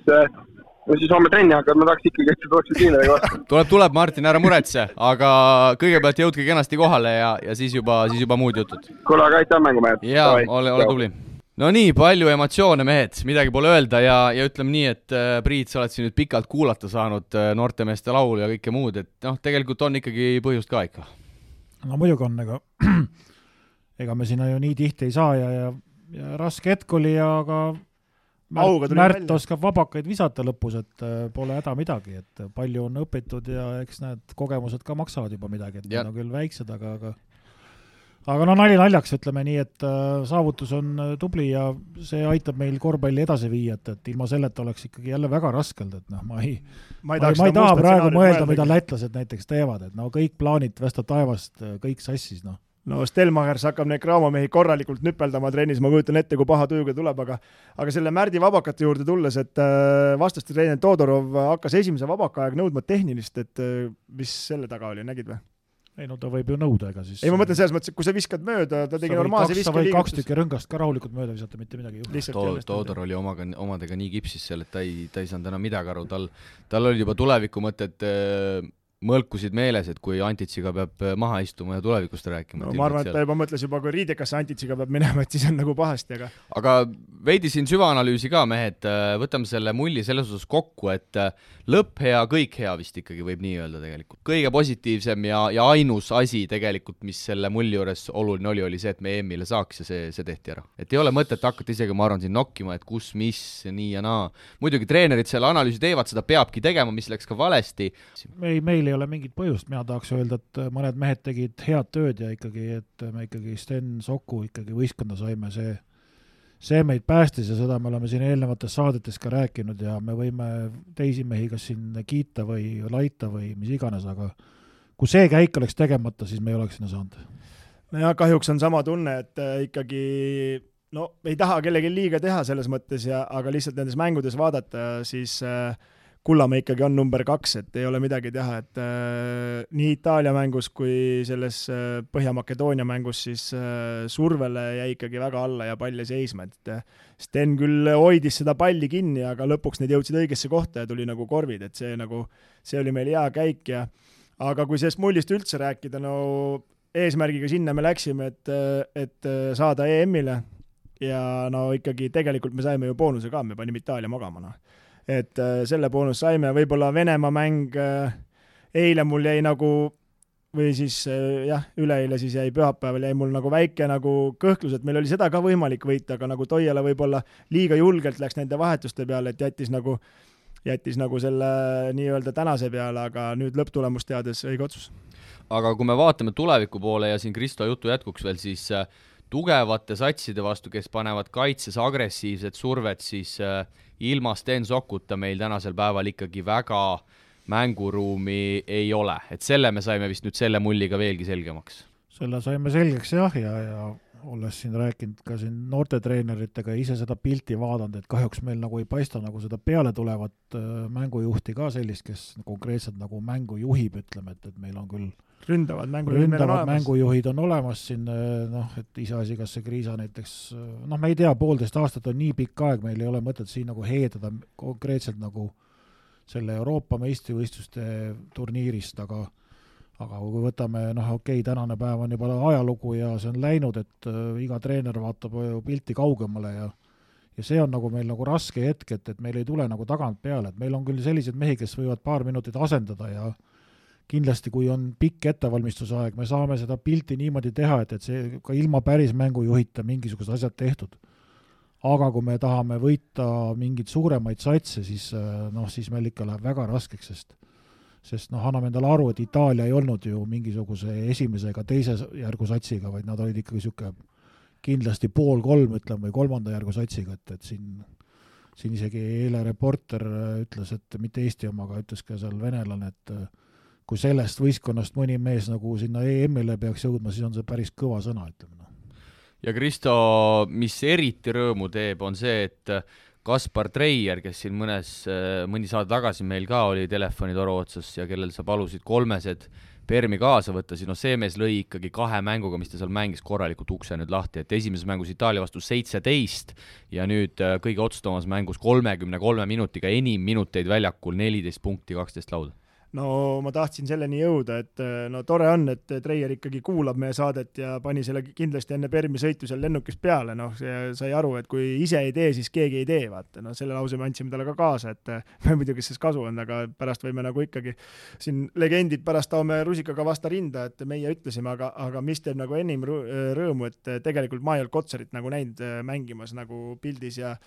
no ikkagi päris, päris sümpaatselt pani ja mis teeb Timmu rolli nagu veel nagu selles mõttes äh, kandvamaks, sest et oleme ausad, esimene mäng neliteist söötu, Kotsarile ma pakun puusalt mingi kaheksa, kolmekümne kahest punktist ta tõi lihtsalt tõstis ära, aga sul peab olema see mees, kes rollib ka ja siis see mees, kes sulle kätte annab, see on ikkagi kahe mehe koostöö, et hetkel need liinid meil töötasid hästi ja no Treier on no tundus niisugune korralik maamees, võitleja ja no kus sel mehel ikkagi oli noore mehe kohta kannatus, seal korvi all keerutas neid mehi ikkagi päris mitu korda sõlme ja et väga sümpaatne, ütleme, eesliin oli meil, noh päris tabavalt äh, ütles, äh, kui ma õigesti mäletan, Gregor Arbet, vaatasime temaga koos seda viimast mängu, et Treier on nagu, nagu uus Gert Torbek meil. Priit, mis sa sellest lausest arvad? No. No positsioonid on küll erinevad, aga aga, aga ka niisugune tugev tükk ja paneb eemalt ja, ja teeb seal, võib neid suuremaid äh, selja taga hoida ja jaa, ei no me siin ka mõned saated tagasi sellest rääkisime, et meil selline mees ongi tegelikult ju puudu olnud siin aastaid, kes oleks niisugune jõujuurikas ja, ja mängib siin äh, natuke teistsugust stiili, ütleme, ja ja selles mõttes on noh, hea, et, Gert Arbekune on tal kindlasti veel pikk maa minna, et, et noor mees alles, aga aga noh, me võime siin ju mitu saadet analüüsida neid asju, aga kokkuvõttes võime öelda, et, et äh, kõik ju panid ju hästi ja kes said, need tegid ja, ja noh, mis me siin ikka arutame, et, et peale on saadud ja eks seda analüüsi tuleb hiljem ja kes sinna edasi lähevad, see on teine asi, aga aga noh, jah, meil on omad head ja omad vead ja, ja on ilusaid hetki ja on ilusaid, ilusaid lootusi ja on kurbi hetki ja on selliseid momente, mida noh, võib-olla ei tahaks enam korrata, aga, aga aga, aga noh, tore ikka. No ütleme nüüd minu, minu silmis need kolme mängu, ütleme, märksõnad olid äh, ma ei tea, kus see trell selle tarkuse võttis, et selle Itaalia mängus selle kolmese peale võttis, nagu ma aru sain äh, Toiala jutust, siis tema seda ei öelnud, et neli sekki enne lõppu pani kohe viske teele, okei okay,, läks sisse, oleks mööda läinud, oleks ka korras olnud, ühega olid ees ju. et see oli päris äh, muljetavaldav hetk ja, ja, ja no teine ikkagi suur üllataja, Rosenthal, keda me siin sügisest saati oleme sinna koondisesse äh, nagu ajanud ja, ja, ja lõpuks ta sinna sai, et no mis tema pluss minu silmis on, on see, et ta kaitses jälle järgi, noh okei okay,, rünnakul täna äh, Makedoonia, Põhja-Makedooniale pani kaks kolmest ka, mis olid väga olulised, aga, aga see on nagu teisejärguline, aga kuidas ta ikkagi suudab kaitse sees äh, seista ja seda elu raskeks teha, et, et see on ikkagi muljetavaldav minu arust. no ühe mehe ma tooks veel välja, ma ei tea, nõustute või mitte, kes siin statistika edetabelites pole meil väga ruulinud, aga no Janari Jõesaare need tippimised ja must töö ja kus ta saab neid käsi vahele ja tegelikult tema mängis ka ikkagi väga-väga suurt rolli selles kõiges. Ja, ja no ikka, ikka need ründelauad, mis ta ära korjas, et, et noh, seekord ütleme nii, et tema tegi ikkagi ikka väga hea turniiri ja, ja stabiilse. ja vaatasin nagu seda viimast mängu, leidsin ennast nagu mõttelt, et, et iga mees, kes ikkagi nagu, meil on võistkonnas minu arust oli praegu, tänases satsis oli kaks meest, kes pole välismaal mänginud, Martin Torbek ja Märt Rosenthal. ja, ja kui me vaatame nüüd seda kompotti ja küll meil on siin mõned kirund ja et, et miks välismaale minnakse nii ja naa ja mina ütlen kogu aeg, et mida rohkem ja varem nad sinna lähevad, seda rohkem kogemusi me tagasi toome. ja täna oligi ikka see pilt nagu, et, et kui kui me vaatasime neid mehi, kes nagu mängivad, siis kõik äh, on ikkagi midagi kuskilt nagu õppinud ja midagi toonud ja, ja, ja kuidagi see kompott oli nagu nii hästi nagu kokku saanud, et äh, et see iga mehe midagi aitas teha nagu ühte suurt asja. Ja siis lõpuks ka need meie oma mehed, kes pole välismäng, väljaspool mänginud, ka nemad said nagu selles rütt-pundis, ütleme, nagu hästi hakkama ja, ja ja tundsid ennast nagu kindlalt hästi, ütleme, ja sootsid nagu seda asja teha, et, et noh, vot, vot sellised asjad nagu viivad edasi et mida rohkem me seda kogemust nagu sisse saame tuua, seda, seda parem on, sest kui me vaatame nagu, nagu neid võistkondasid näiteks ütleme, okei okay,, noh, võitsime seda Makedooniat küll napilt, aga ikkagi kahe mängu kokkuvõttes ja nende need koduliiga mehed võivad toredad olla, aga mingil hetkel jäi nendel midagi nagu puudu, et me oleme nagu selle etapi nagu paremini üle elanud, et äh, vaatame tulevikku vähe nagu parema pilguga. ja, ja nagu eelmises mängus Venemaa vastu äh, oli jutuks, et see mull, mis me Venemaa vastu Eestis mängisime, et äh, võrreldes sellega kaheksa uut meest koondises, et meil ikkagi seda sügavust mõnes mõttes on nagu, et et neli oli ainult sellest mullist, mis oli Venemaaga siin, kui me saime sahmaka ja mis tegi rõõmu tegelikult äh, ma ei tea, kas siis vastaste halb kaitse või Itaaliale panime lisaajaga sada viis ja Makedooniale palju me panime, kaheksakümmend kolm või? Või kaheksakümmend üks, et äh, tegelikult rünnak meil jooksis päris hästi ja ja niisugust agressiivsust ja nauditavat korvpalli mängisime. aga siia võib-olla lõppu, no selle tahaks nüüd ümber lükata, ma ei tea jälle, kas te olete minuga nõus või, või mitte, aga aga et see jutt nüüd, et Sten Sokk on aeglane ja Sten Sokk ei suuda seda, ei suuda toda, siis ma loodan, et nüüd kõik need võib-olla pühapäeva korvpallisõbrad või vähem või rohkem spetsialistid said nüüd äh, selle viimase turniiriga aru, kui palju tegelikult see mees juba praegu on Eesti korvpallile ikkagi seal mängu ju koha peal andnud ja, ja et et ei ole olulised ainult need võib-olla need punktid ja, ja kõik see efektne värk, et ikkagi ikkagi, et see nüüd ka loodetavasti sai nüüd ikkagi selgeks tehtud. no vaata, Sten ütles ise ka intervjuus, et, et tema ju on sellist tüüpi mängujuht, kel, kellel, kel, kelle, kes tahab nagu kellelegi anda. ja, ja noh, see koostöö, mis nüüd tekkis äh, Maik Kotsariga, et, et noh, see oli ju, see oli täitsa selline korvpall, nagu, nagu ta peakski olema, et meil pole enne sellist nagu kooslust tekkinud, et äh, noh, millest me siin ikka räägime ja ega Sten pole ju väga koondise tasemel ka ju Raunoga koos mänginud ja, ja Rauno tegi omad minutid ju ka päris hästi ära ja on, on ka kellelegi nagu anda ja ja vaata, siis tekib nagu teistel ruum, ütleme, et, et noh, ei, ei ole nagu jah, kindlasti on äh, Stenist kiiremaid mehi ja, ja jooksevad võib-olla kaks korda kiiremini, aga see nagu ei maksa sellel hetkel, et, et maksab ainult see hetkemoment. Nagu Ituudise kuldsed sõnad, et Mike James ei oska sööta, et et sul peab olema vennad, kes ära ka panevad ja Sten pani kahe mänguga kakskümmend kaks söötu, no ja järelikult ikkagi minu arust on nagu, vaatasin mitu korda mängudes ja imestasin, kui targalt ikkagi Kotsar kas siis rollis lõpuni või siis võttis keskpositsiooni viske ja tegelikult esimeses mängus tabas ideaalselt, okei okay,, Makedoonia vastu väga ei võtnud neid, aga no ikkagi äh, peab olema mees, kellel sööta ja see, see kooslus küll hetkel toimis väga hästi ja mul on ainult hea meel, noh, kui poleks Steni ja ei oleks Kotsarit, poleks meil millestki rääkida hetkel. ja üliäge oli minu meelest just seda vaadata, et äh, kui oli Sokk, ütleme seal point guard'i ehk siis mängu koha peal Kotsar, kes äh, nagu Kristo juba mainis, äh, paneb häid katteid ja just võib-olla rollib väga kiiresti sinna korvi alla ja kui Sokk nüüd leidis Kotsari paar korda üles ja meil on, ütleme, ülejäänud kolm meest on väljas viskajad, siis no Sten neid leidis ka nagu, nagu muiste ja siis saavad need Treierid ja Trellid ja Jõesaared sealt jalad maas laadida, et tegelikult nagu kui ma mõtlen selle EM-i peale ja meil veel loodetavasti Vene ja Kitsing ja kõik muud jutud tulevad sinna juurde, et äh, tegelikult päris nii-öelda optimistlik tasub olla. No ma ei näe küll ühtegi põhjust, miks me peaksime olema negatiivsed selles mõttes, et äh, meil oli üks eesmärk sellest alagrupist edasi saada, saime edasi nüüd äh, nendel noortel meestel on veel aega veel mitmel EM-il käia, kui me sinna suudame saada, kuskil peab kooliraha maksma ja mida rohkem, ütleme, algus ju sügisel me olime suhteliselt negatiivsed või tähendab, mina tähendab, olin, mitte teised ei olnud, et selle Kotsari klubi valiku üle, nüüd me teame, et see on õige valik, see Hamburg olnud on ju, nad mängivad kõrget mängu ja Kotsar on väga heas rollis seal. Ja no siin on ainult aega, kuhu areneda ja samamoodi ütleme, Treier saab oma viis minutit, Trell saab ka nüüd viimase aja minuteid, et eh, siin on, mida, kuhu ehitada, see poolteist aastat või noh, ütleme jah, poolteist aastat on ikkagi pikk aeg ja, ja sellega me, võivad need asjad siin igatpidi muutuda, see on sport, aga hetkel võib küll väga positiivne olla. ma paneks siia selle nii-öelda Eesti teema lõppu, mehed, veel ühe aplausi ja ma paneks selle kõikidele nendele treeneritele, kes on neid mehi, kes seal selle asja ära tegid äh,, ikkagi äh, ikkagi treeninud, sest et äh, noh, ma arvan, et need koondise treenerid on ka minuga nõus, et see on tegelikult kõikide Eesti treenerite äh, nii-öelda töö, mis äh, seal ära realiseeriti. no kindlasti, igaüks annab ju mingi panuse ja keegi on kellegiga töötanud ja, ja ja igaühe käest on midagi õppida ja, ja, ja, ja küll mõnda treenerit kirutakse ja mõnda kiidetakse rohkem, aga, aga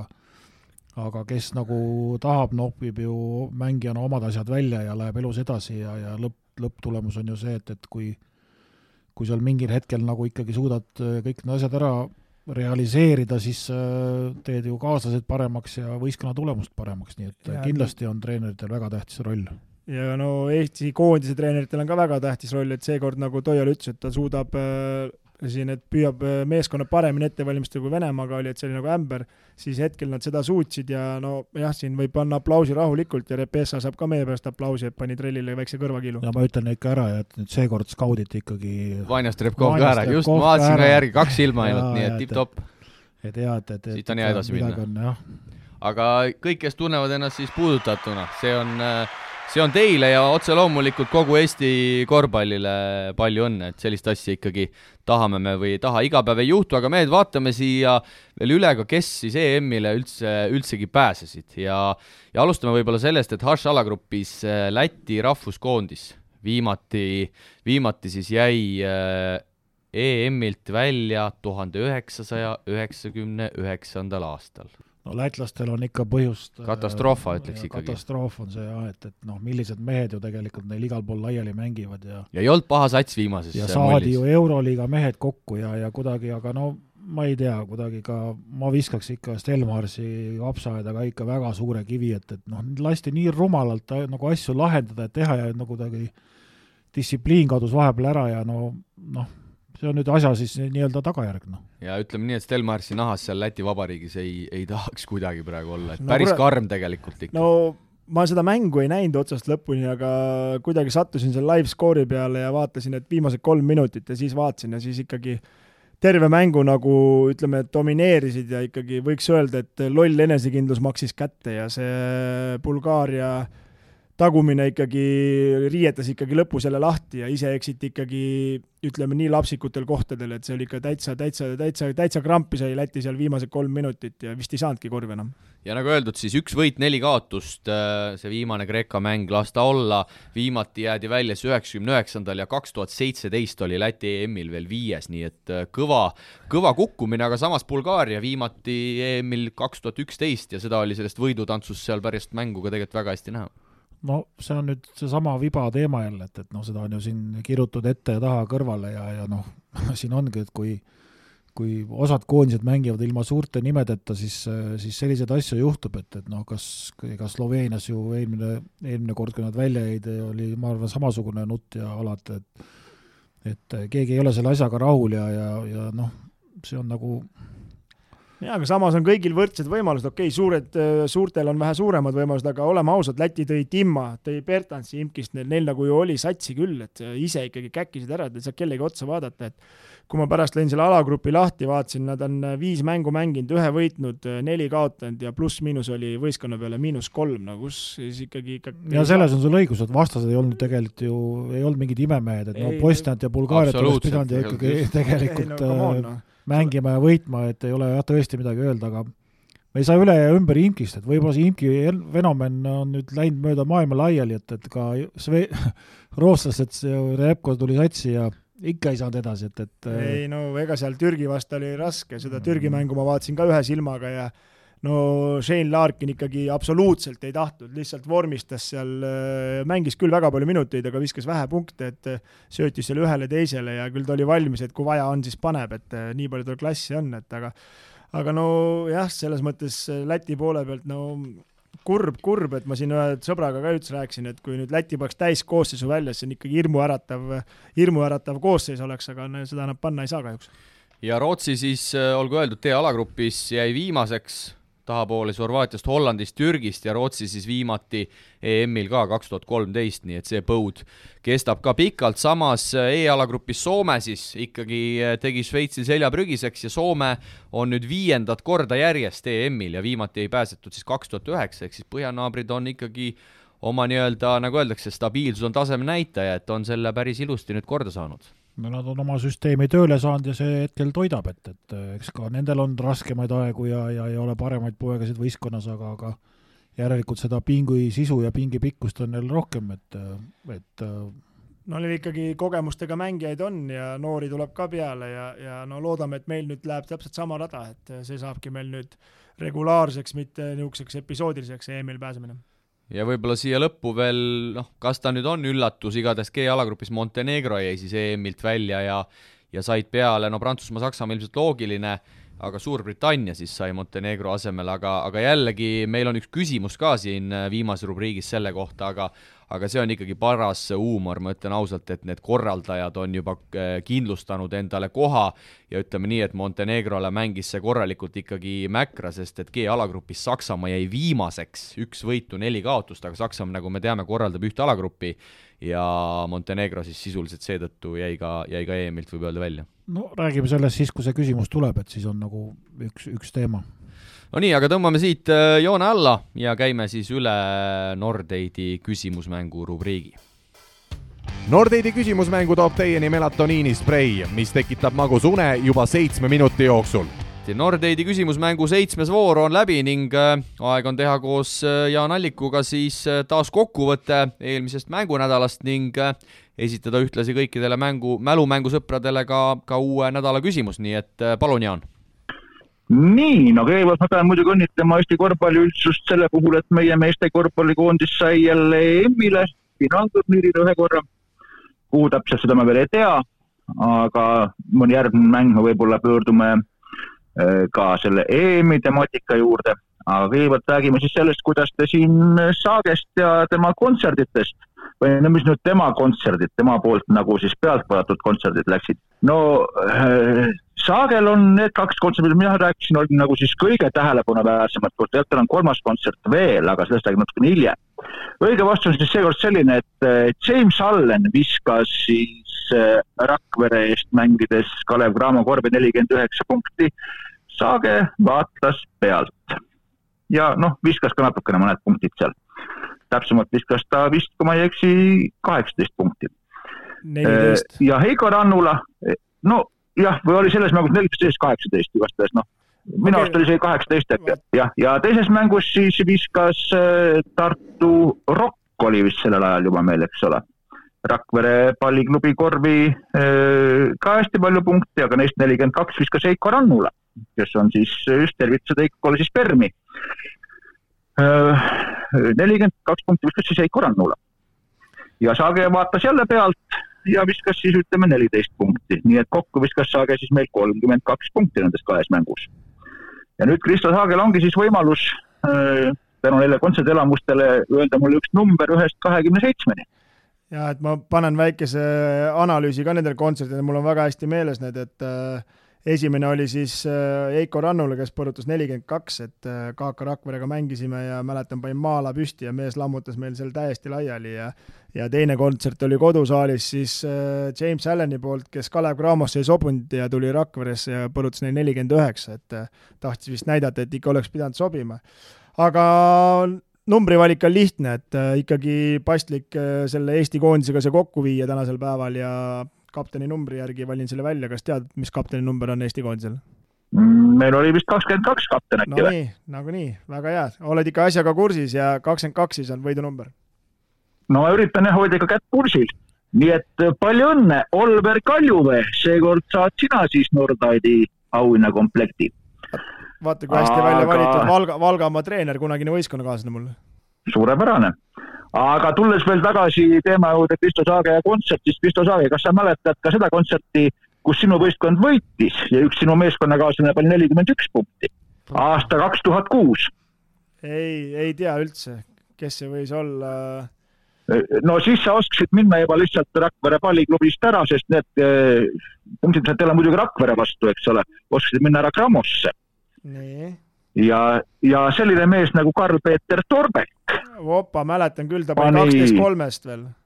üksteist kolmest. üksteist kolmest ja kaksteist vist oli Eesti rekord, jah. jah kolmteist on Eesti rekord Aivar Kuusmäe aastast üheksakümmend kaks, aga Torbek pani jah siis seitsmeteistkümnest üksteist sisse nii et vot niisugune mäng on sul ka veel, aga noh, kuna ta ikka nelikümmend kahte punkti täis ei saanud ja ütleme, et ikkagi, et Veiko Rannul on Eesti koondise treener, siis ma arvan, et kontsert hakkab meil neljakümne kaheksast punktist ametlikult mängumeestest, teeme niimoodi edaspidi. teeme nii jah, et kui kõik tahavad sinna saada, siis vähemalt nelikümmend kaks tuleb ära vajutada. jah, see on see alumine piir, see on paika pandud. Nii, aga kas me lähme nüüd siis äkki järgmise küsimuse juurde? ma siin nimelt mõtlesin vahepeal, et annaks natukene siin sellist rahvusvahelist mõõdet ka asjale ja ei küsiks ainult Eesti korvpalli kohta puutuvaid asju. seda enam, et ikkagi EM on rahvusvaheline turniir. ja siin ma siin võtsin ühendust Aare Hallikuga, rääkisin temaga tarka korvpallijuttu ja siit tuleb järgmise korra küsimus. Aare Halliku Eesti hetke tuntum ja tunnustatum korvpallikohtunik on vilistanud palju äärmiselt põnevaid korvpallikohtumisi ta ise peab üheks sillapaistvaks mänguks mängu, kus korraga viibis pea et pidevalt väljakul tervelt viis sellel hetkel NBA-s mängivat meest. kõik need viis staari näitasid ka oma oskusi selles mängus täiel määral ning viskasid vastavalt kolmkümmend neli, kakskümmend üheksa, kakskümmend seitse, kaheksateist ja kolmteist punkti. lisaks neile viiele tähele kuulusid meeskondade koosseisu veel kuus mängijat, kes kas enne seda mängu või peale seda mängu on mänginud NBA-s nimetagegi mulle nüüd need viis tähtmängijat järgmiseks reedeks. kas annad mõned vihjed ka, et kas on äh, play-off või regulaarhooaeg või et...? ei, vot siin ma ei tahaks nüüd anda, sest siin peab natukene kasutama loogilist mõtlemist, et kus võis toimuda selline mäng ja kunas, kus viis äh, NBA staari kodaga olid mängus ja Hallik on seda mängu vilistanud. no eeldame, et see on Euroliiga. mäng on ainult üks. vaata, NBA tegevmängijatega print ei saa olla Euroliiga. ära, ära anna, Jaan, midagi ära ära anna ära midagi. just, ma, ma ei taha rohkem vihjeid anda. sest et meil oli eelmise Teeme vooru, eelmise vooru õigete vastu protsent oli nii kõrge, et ei ühtegi vihjet siit. no just, ma arvan ka, et siin pole vihjeid vaja, nii et lõigake see koht nüüd välja, mida Priit küsis ei, me ei lõika välja, et Priidul ei olnudki kõige kavalam küsimus ka, et ta ise murrab siin. ei no las nad mõtlevad Euroliiga peale ja Eestikate peale ja Vaare on igal pool vilistanud, isegi ma arvan, et naiste mänge veel päris palju. aga siis jah, seekord selline küsimus, ikkagi Eestiga seotud, aga rahvusvaheline aitüma, Jaan, ja, ja veel kord siis sulle ka palju õnne, ikkagi üks korvpalli, korvpallirahvas me ju, me ju oleme ja, ja suur päev. ja rõõmustame koos ja jõudsi... kohe, ja kohe teen kuldalliku lahti, ausalt. ja jõudsime suure päeva ära oodata, nii et äh, sinuga siis järgmise nädalani jälle. teeme nii, kuulmiseni ja eelmise nädala statistikast siis nii palju, kui äh, selgitasime välja, et Olver Kaljuvee on äh,, on võitja, kes siis on ju Valga meeskonnas ka meistriliigas Kristo mänginud, eks? jaa, ja hetkel ajavad koos Brendan Paidrega Valga korvpalliasja, noorte, noortevõistkonda, nii et väga nii et vitamiinidega paras turgutada? mul on väga paras, sest et ega seal treeneril ikkagi võib joosta mingil hetkel kokku, et vajab ikkagi vitamiine. ja eelmisel nädalal siis sai sotsiaalmeedias kajastatud ka üldseisu ja ja vaatan selle siit kiiresti üle, ega sealt suurt ei muutunud, kuna nagu ma ütlesin, äh, õigesti vastanute protsent oli päris suur, nii et Hardi Traumann, Koit Kalmus, Risto Merimaa ja Tõnis Teesaar endiselt kaheksa punktiga, siis äh, neli liidrit said mõlemad äh, täispunktid kirja, kuna panid vastu õigesti ja panid kirja ka, kirja ka Kristo punktid ja seitsme peal siis tulevad seal Brendan Paide, Kardo Laev ja, ja Silver Allik, nii et minna on veel kevadeni kõvasti, nii et lööge kaasa. Siin voore on jäänud häid küsimusi ja, ja võimalik siis parimatel ka, ka auhindu äh, võita, aga meid ongi ees ootamas siis äh, tänase saate viimane rubriik ja see nagu ikka Poolsi kuulajate küsimused. kuulaja küsimus mängule paneb õla alla Poolsi, parima valikuga ketsipood Eestis, tutvu valikuga www.poolsi.eu Poolsi siis üheskoos Team Spiritiga toob äh, meieni taas äh, kolm kuulaja küsimust ja enne kui asume vastuseid äh, andma, siis kutsun veel kord üles kõiki kuulajaid küsima. oleme saanud viimastel nädalatel väga palju häid ja sisukaid küsimusi, kuid nagu öeldakse, küll küllale liiga ei tee ning korvpallihooaja lõpuni, kuniks me püüame seda saadet vedada, enne kui suvepausil lähme, on, on veel samuti tegelikult ju ju kõvasti minna, aga, aga küsib siis äh, Marko, kes on meil siin olnud väga tubli küsija, väga sisukate küsimuste küsija ja, ja ka juba särgivõitja olnud, siis äh, kõlab, kõlab järgnevalt, vägagi teemasse ka see läheb, olenemata, kuidas tänane mäng lõpeb, ehk siis see oli küsitud juba enne seda Makedoonia mängu lõppu, siis mis point on sellel Itaalial, Saksal, Tšehhil ja Gruusial alagruppides, kui nad on igal juhul korraldajatena oma pileti lunastanud, pigem võiks need korraldajad toppida ühte alagruppi ja las toksivad seal omavahel. ja kõik teised riigid, kes üritavad EM-ile saada, peavad peavad omavahel pusima, seega jääksid ära sellised äh, jutumärkides lolli mängimised, a la kus Itaalial pole, polnud absoluutselt vahet, kas nad võidavad või kaotavad Makedooniale. iseküsimus on muidugi, miks peab kümme aastat jutumärkides enne EM-finaalturniiri toimumist juba korraldajamaad paigas olema. kui edasipääsejad selged, siis võiks samuti vabalt edasipääsejate seast korraldajad valida. no ma arvan, et see, et korraldajad on paigas, seal ikkagi on mingid kindlad äh, teemad, miks nad nii vara paika pannakse, aga aga väga õigustatud küsimus Markolt, korraks me sellesse teemasse ka, ka läksime ja, ja nagu ma tegelikult ütlesin, Saksamaa jäi oma alagrupis viimaseks, kui me teame, kui võimas on tegelikult Saksamaa koondis ja ja ma arvan, ma neid täpseid mänge ei vaadanud, aga ma arvan, et suuresti Montenegrole see võiski karuteene teha no tuleme tagantpoolt ettepoole, vastame ikkagi kõigepealt selle peale, et äh, miks äh, need kohad on nagu teada, kes korraldavad, noh, ega Vibal on vaja ka ju mingit kindlust ja ja, ja, ja enne see, noh, praegu on tegelikult selline periood, kus on süsteemi nagu nii-öelda muutmise aeg, et äh, me teame, et EM-i need vahed lähevad pikemaks, ei ole enam iga kahe aasta tagant, ja, ja nüüd äh, see otsus tehti nagu veel vana, vana rongi pealt, et, et kui järgmine kord on nagu äh, EM-ini on neli aastat näiteks, et tsükkel läheb nelja aasta peale, siis, siis äh, võivad tekkida sellised momendid, aga, aga FIBA tahab kindlasti kindlust saada, et keegi seda ikkagi on nagu nõus korraldama, sest äh, see on mingisugune raha väljaminek ja, ja kes paremini korraldab, nendel on sissetulek ka nemad peavad teadma, et noh, siin ju viimane võitlus ju käis, kus Eesti ka osales, siis Gruusia ju vabariigi juhatuse juhtide tasemel otsustas, et nad teevad lihtsalt varsti uue saali ja võtavad selle alagrupi korraldamise endale, noh et äh, et muidu sellist asja nagu poleks juhtunud. et äh, kui me tuleme nüüd nagu nende mängude juurde, siis miks need os-, need nii-öelda, need võistkonnad nagu osalevad, siis see on täpselt sama teema, et, et Fiba ei osanud nagu ei osanud nagu kõikide osapoolte survel nagu neid äh, satse kuhugi paigutada, sellepärast et miks seda süsteemi hakati muutma, oli ju see, et, et äh, mingitel hetkedel need mängud mängiti ju kuskil mingisuguses suveperioodis, kuskil mingisuguses kohas,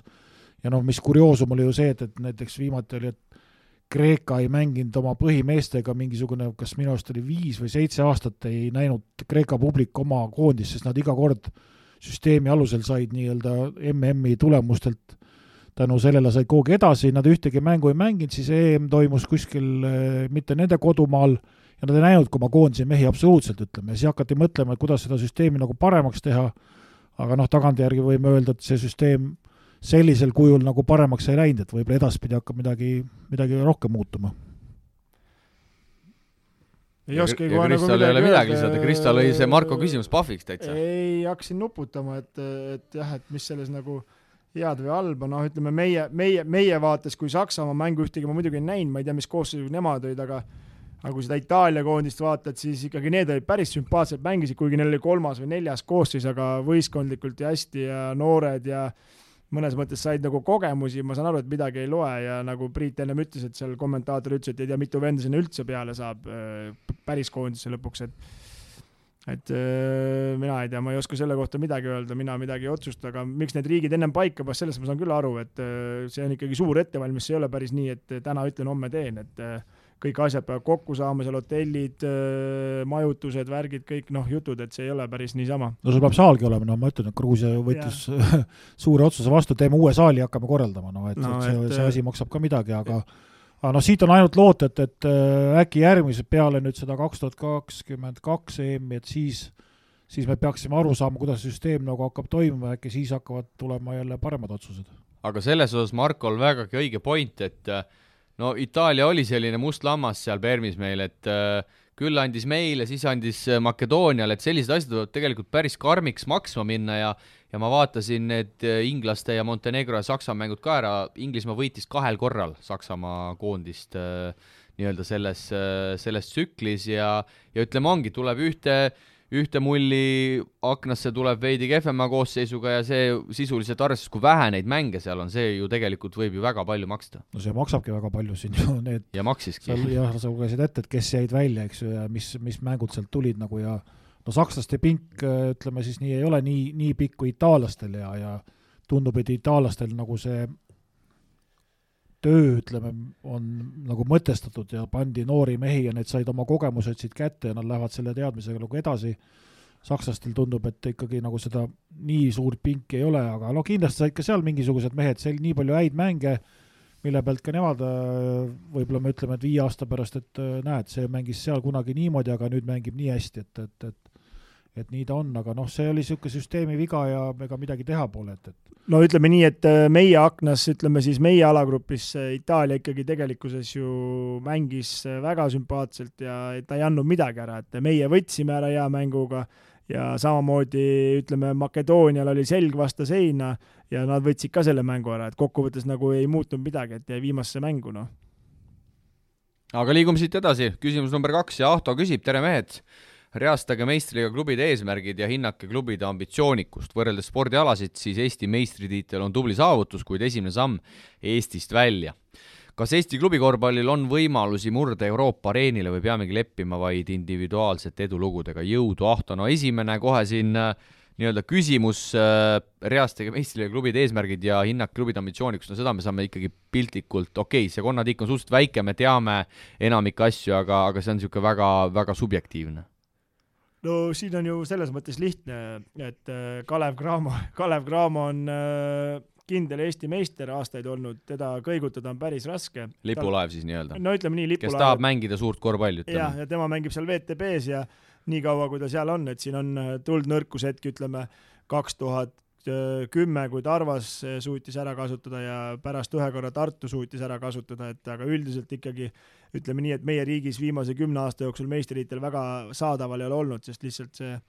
nagu öeldakse, see sügavus on nii kõva neil ja neid seerias võita on ikka väga keeruline, karikas võid veel üllatada, aga aga ülejäänud võistkonnad ju täpselt ongi nüüd, äh, mõnes mõttes on hea, et äh, see Tartu sealt ülevalt ära kukkus, et ülejäänud kaks kuni seitse, nüüd hetkel on meil seitse võistkonda, et see on ju kõik, kõigile saadaval, see hõbemedal ja ja selle nimel kõik väiksemad komplekteerivad ja üritavad ja, ja see jällegi teeb selle liiga ja põnevuse vägevamaks.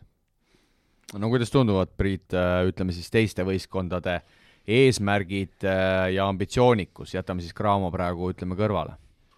et on, ütleme nii, et on päris äh, projektivõistkondi, on ütleme, võistkonnad, kes äh, rajanevad ennast üliõpilastele, osad üritavad rohkem oma noortega läbi ajada, teised vähem, eks on äärmust äärmusesse. nojah, täpselt nagu sa lugesid, selline seis ongi, et, et äh, kuna Kristo ütles, et Tartu kukkus ära, siis teine koht on nagu nii-öelda kõikidele saadaval ja eks kõik siis täpselt oma võimete järgi niimoodi vaatavadki, et noh, sellel aastal või sellel hooajal siis noh, mis on äh, mis on nagu meeldiv üllatus, on see, et keegi nagu vaatab kaugemale ja Pärnu on kindlasti käinud välja ideed või soovi, et nad tahavad järgmine aasta sinna FIBA neljandasse sarja minna ja, ja see on väga, väga, väga tervitatav, tervitatav uudis, et selline asi nagu on ja see näitab, et üks klubi mõtleb nagu natuke laiemalt ja kaugemale ja ja, ja see toob ju igasuguseid äh, igasuguseid asju nende Pärnu linna ja toob noor, noori korvpalli juurde ja sellise asi nagu peabki käima, et et äh, noh, Rapla on siin omade mõtetega kindlasti tahavad iga kord medalit saada, Rakvere, eks nad ka üritavad, aga pigem on see, et mingil hetkel nad olid ju nii nullis, et nad üritasid, et nad üldse ellu jäävad, et eks nad siin siis aasta-aastalt lähevad ja ja üritavad siis ka võib-olla hakata kõrgemat mängu mängima, et palju neil jõudu jagub ja mis ideed neil on, et tookord, kui nad sinna tõusid, oli ju kolme aasta projekt või kolme aasta plaan see hakkab nüüd selle hooaja lõpuga siis nii-öelda läbi saama, et, et noh, eelmine aasta juba hakkas, aga see lõpetati ennem ära, et siis ütleme, sel aastal saab see plaan läbi, eks ole, näha jah, mis nad lähevad, aga aga jaa, kui ma nüüd meenutan, Priit, te tulite Eesti meistriks kaks tuhat viisteist või? või kuusteist Tartuga? mina ei ole tulnud, aga, aga oi, oi, oi, oi, Kristo. see oli viisteist või? minu arust oli viisteist. jaa, viisteist tuldi vist jah. jah, et seal... ütleme kaks tuhat kümme kuni viisteist ikkagi Tarvas okei okay,, üllatas kaks tuhat kümme, aga pärast seda oli ikkagi nii, et ainult kolmas koht oli saadaval, et Tarvas nagu, Tarvaga kõik pusisid seda kolmandat kohta, eks, ja nüüd pärast seda, kui Tartu ühe korra ära tuli ja see ütleme siis võeti uus suund, siis pärast seda on iga kord nagu hõbekoht olnud, et see on nagu jällegi mõnes mõttes ikkagi rohkem sportlikud, aga meil, ma arvan, kõige suurem mure on see, et kust neid mängijaid võtta, no et meil ei ole tasemel mängijaid hetkel, et tahame või ei taha, siis ikkagi eestlasi iseenesest, okei okay,, Eesti koondis teeb ilusaid asju välismaalaste puhul ja Graamo mängijate najal, aga, aga Eesti enda mängijaid ikkagi liigas on vähe. aga see Ahto teine küsimus, et kas äh, Eesti klubikorvpall on võimalusi murda Euroopa areenile või peamegi leppima vaid individuaalsete edulugudega, siis kahjuks niikaua, kui meil vist kuskilt äh, Kanadast rikast vanaonu ei tule, siis pigem ikkagi see teine variant, kui sedagi. no siin on lihtsalt see seis praegu, et ega me ei saagi hetkel, isegi kui meil nüüd tuleb see rikas Kanada onu, me peamegi alustama sellest samast sarjast, kuhu Pärnu läheb. siis, kui me sellesama sarja ära võidaksime, siis oleks meil võimalus äh, saada Champions League'i, kui me Champions League'is midagi teeme mõned aastad, siis võib-olla saaksime Ulepkapi, Ulepkapi liigasse tagasi, et äh, seal on ka kohad üsna täis ja suured maad äh, rullivad ja, ja, ja aga noh, hetkel, kui me tahame alustada, siis me peame alustama kõige madalamalt ja hakkama siis seal midagi tegema, et, et äh, me, meil ei ole sellist varianti tänasel päeval, et me saame äh, saame hopsti kuskile Champions League'i alagrupi peale, et me peame mängima seal ka vahegrupi mänge ja kui sealt edasi saada, noh, Kalev eelmine aasta või Graamo eelmine aasta ju proovis, ei saanud, kohe loobus kõikidest asjadest, kuna seal nii-öelda raha ei maksta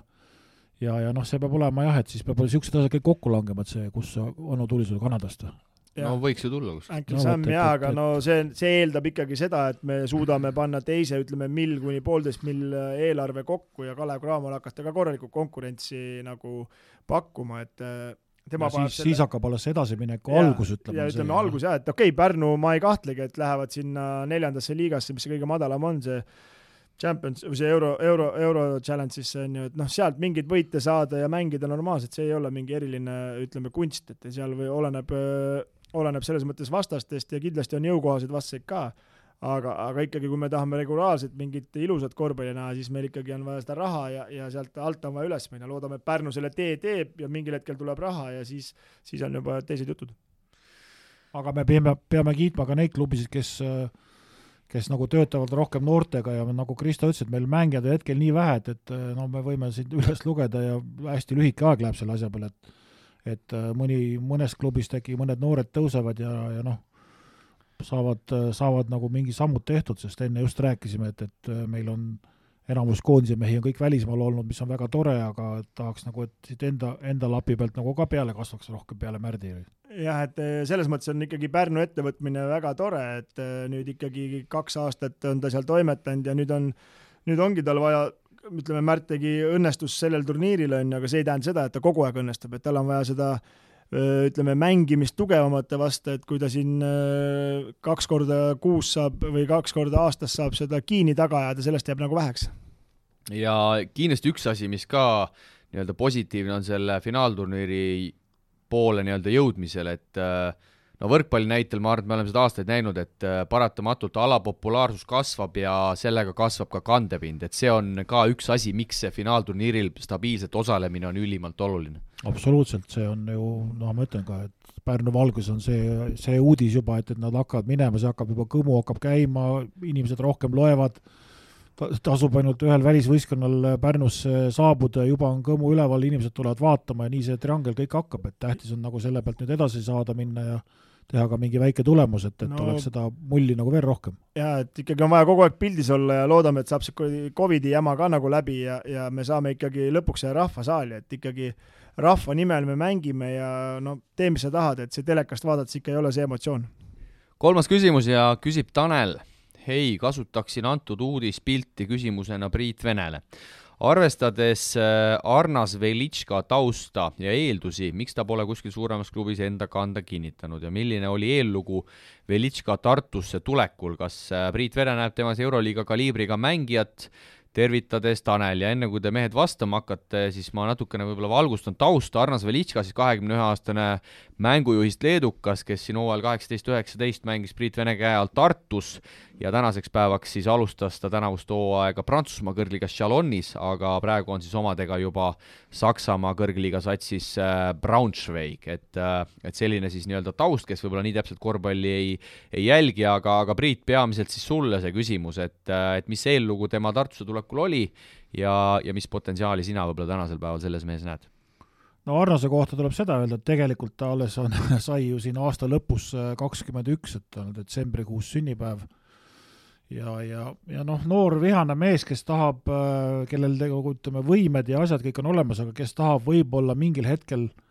saavutusi saada nagu liiga lihtsalt ja liiga ruttu. Ja see tekitab nagu mõnes kohas nagu trotsi ja ei ole kannatust ja, ja ja kui siin ei tule, siis lähen kohe järgmisse kohta. Ja noh, ta alustas äh, Kaunases äh,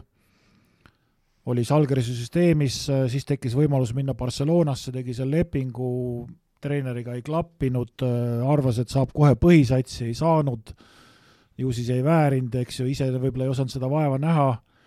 siis ta tuli äh, noh, aga keegi temas ikkagi mingit potentsiaali nägi, et Kaunas tegi temaga uue lepingu, aga siis jälle selgus, et äh, Jassik Jäävitsusega nagu need ideed ei ühti, kaks kõva kivi nii-öelda head jahu ei jahvata.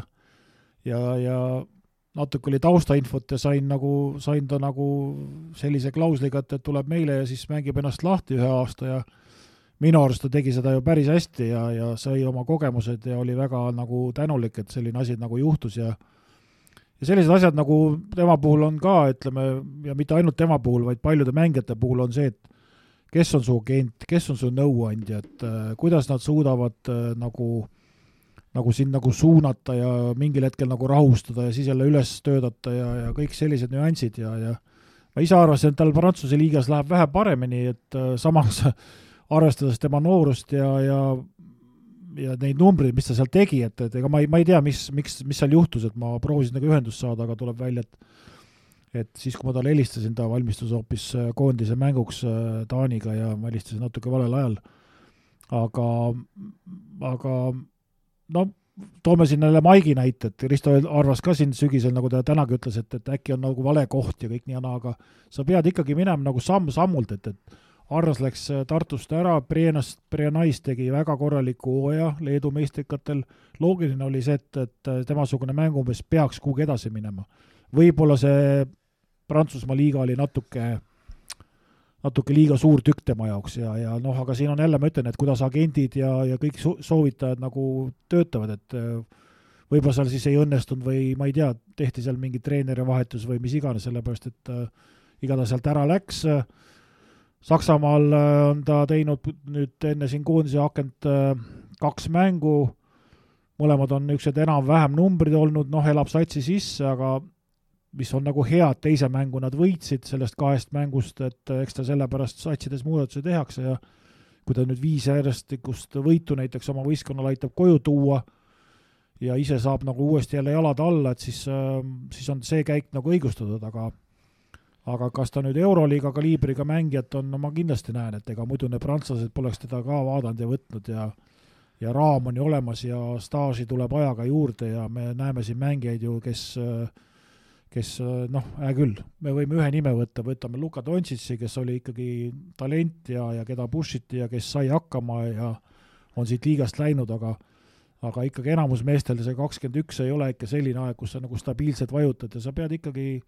step by step sinna ikkagi lähenema, lähenema, lähenema selle tipule ja, ja tegema tööd ja ja noh, Arnas on niisugune, ma ütlen, nagu noor vihane mees, et ta mõned asjad peab nagu elus ümber hindama, aga aga no potentsiaali on seal kõvasti, kõvasti sees. Priidu pikale jutule siis noh, et kui sa rääkisid Arnase, kuidas tuleb ronida, et ega siis ju noh, sa teed tööd, tööd, tööd ja päeva lõpuks on natuke õnne ka vaja, et sa õigesse kohta satud ja kui seal selle ja, nii-öelda jala ukse vahele saad, ega siis allapoole väga kergelt ei lähe, et siis sa sinna ringlusse pead saama, et ma mäletan, Siim äh, Saku Suurhalli ees ju me Maigiga rääkisime, kui see koondise mull oli Leedu ja ja suvel, et äh, tulime sealt välja, rääkisime ja siis küsisime, miks sinna Hamburgi läheb, et natuke nagu jama ei ole, et vist oli väljalangemisel või üldse tõusiski alt üles või mingi teine hooaeg jah, Hamburgil kõrgliigas. et see ja siis ta ütles ju kohe, et äh, treener helistas ja oli mõned pakkumised veel, aga treeneriga sobis ja ja nii edasi, et sa pead nagu tunnetama, no ja lõpuks ega sa ei tea ennem, kui sa oled kohal, noh, et oleks võinud ühtepidi või teistpidi minna, aga lõpuks ikkagi mees ise tunnetas, ega me ei tea, kes ta agent on või kes talle neid soovitusi annab, aga aga ikkagi tegi õige valiku ja treener rääkis, selles mõttes, need treenerid räägivad vahest mesijuttu ka, nagu Jõesaar ütles, et talle räägiti ka kõik ilusad asjad kokku, aga lõpuks, lõpuks oli nii, et ei saanud võimalustki, noh, aga Maigile rääkis kohe, et umbes arvestan ja või ütleme, füüsiline ja ja kuigi seal on palju ameeriklasi ka, ikkagi palli jagub ja töö käib, noh kaks küsimust, äh, Priit, siia veel äh, nii-öelda laiendan seda küsimust. Äh, sa mainisid, et Velitška ja Jassikevitš mõlemad kõvad kivid ja põrkusid, et oli sul ka Tartus selliseid, selliseid arenguvestlusi selle mehega mingil hetkel? no üldiselt me panime need raamid üsna, üsna alguses nagu paika ja, ja minul ei olnud temaga nagu küll mitte, mitte, mitte ühtegi nagu murekohta, et pigem oli see, et pidi tema jaoks nagu välja mõtlema igasuguseid treeninguid ja harjutusi, mis äh, oleks nagu huvitavad ja mis nagu asja edasi viiks ja ja, ja saime üsna kiirelt aru, et mis on nagu tema, tema tugevad ja nõrgad küljed ja eesmärk oli tugevaid külgi edasi arendada ja nõrku külgi kõvasti järgi aidata ja sellega me tegelesime ja ja kui ta nagu hakkas aru saama, et, et see nagu toob tulemust ja toimib, siis äh, siis ta oli nagu ise ka õnnelik ja tema töötahe nagu kasvas ja nagu ikka elus see käib, et kui läheb, lähevad osad asjad, sa saad aru, et, et see treening nagu kannab vilja, et siis äh, et äh, siis ta nagu töötas päris usinalt ja saime natuke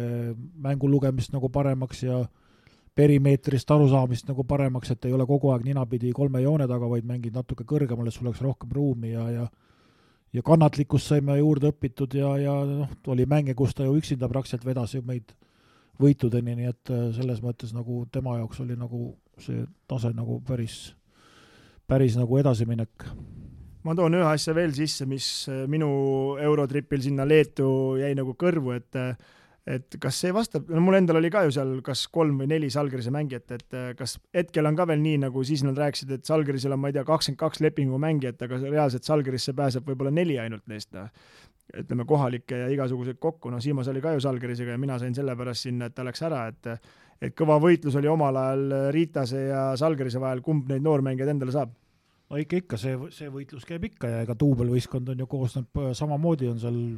kuusteist noort meest äkki jah, ja, ja no mõned on siis, saavad sinna meestesarja satsi juurde ja, ja ja kui me näeme praegu Salgrisel on ka ju neliteist, neliteist või viisteist meest, kes on Euroliigasse üles antud ja ja me ju teame, et kaks meest on praegu pikalt siin paar kuud juba täiesti audis olnud, et mängivad ju ikkagi kaheteist mehega kogu aeg, et järelikult see see viisteist ongi selline number, mida sa pead suutma nagu üleval pidada, et, et selliseid tihedusega mänge ja sellise tasemega mänge nagu ikkagi mängida, et päris ennast lõhki ei tõmba, et et äh, nii, nii ta on jah, selles mõttes on sul see et täpselt, kui, selle... siis, kui sina käisid, oli täpselt samamoodi. et ma mõtlen selles mõttes, et äh, Eestis ju ei ole korvpallis niisugust asja, et kellegagi tehakse kahe, kolme või nelja aastane leping, et seal ikkagi kohe summiti mingi viieaastane leping peale, on ju, noh, ma ei tea, kuidas see täpsed palganumbrid ei tea, aga a la ütleme seal minu võistkonna kaasräägist, alguses paned tonniga, siis kahega, kolmega, neljaga, viiega, et tehakse see protsess läbi, usutakse sinusse, et kas tuleb või ei tule lõpuks, on nagu päris huvitav, et mul oli see Sarunas Vassiljauskas oli mul see tagumine seal, no see vend sai ju mingi kaksteist tonni oli palka saanud, noh, ma ei saanud, ma saanud aastas ka nii palju. Nojah, et äh, see klubi ju võtab ju selle riski, et hakkab sind kasvatama ja siis mingil hetkel äh, sa pead nagu seda hakkama tagasi teenima ja sul on mingi väljaostusumma, kui sa kuskile ära lähed, sa pead mingit raha tagasi tooma, et, et noh, see on niisugune kahepoolne protsess, et, et mõned loobuvad ja lähevad kuskil teise võistkonda ja arvavad, et saavad nagu lihtsamalt, et, et ega ega siis äh, maailm on avatud, aga, aga kui sa ikkagi jah, kui sul pakutakse viieaastast lepingut, siis sa niimoodi samm-sammult hakkad ja hakkad tõusma ja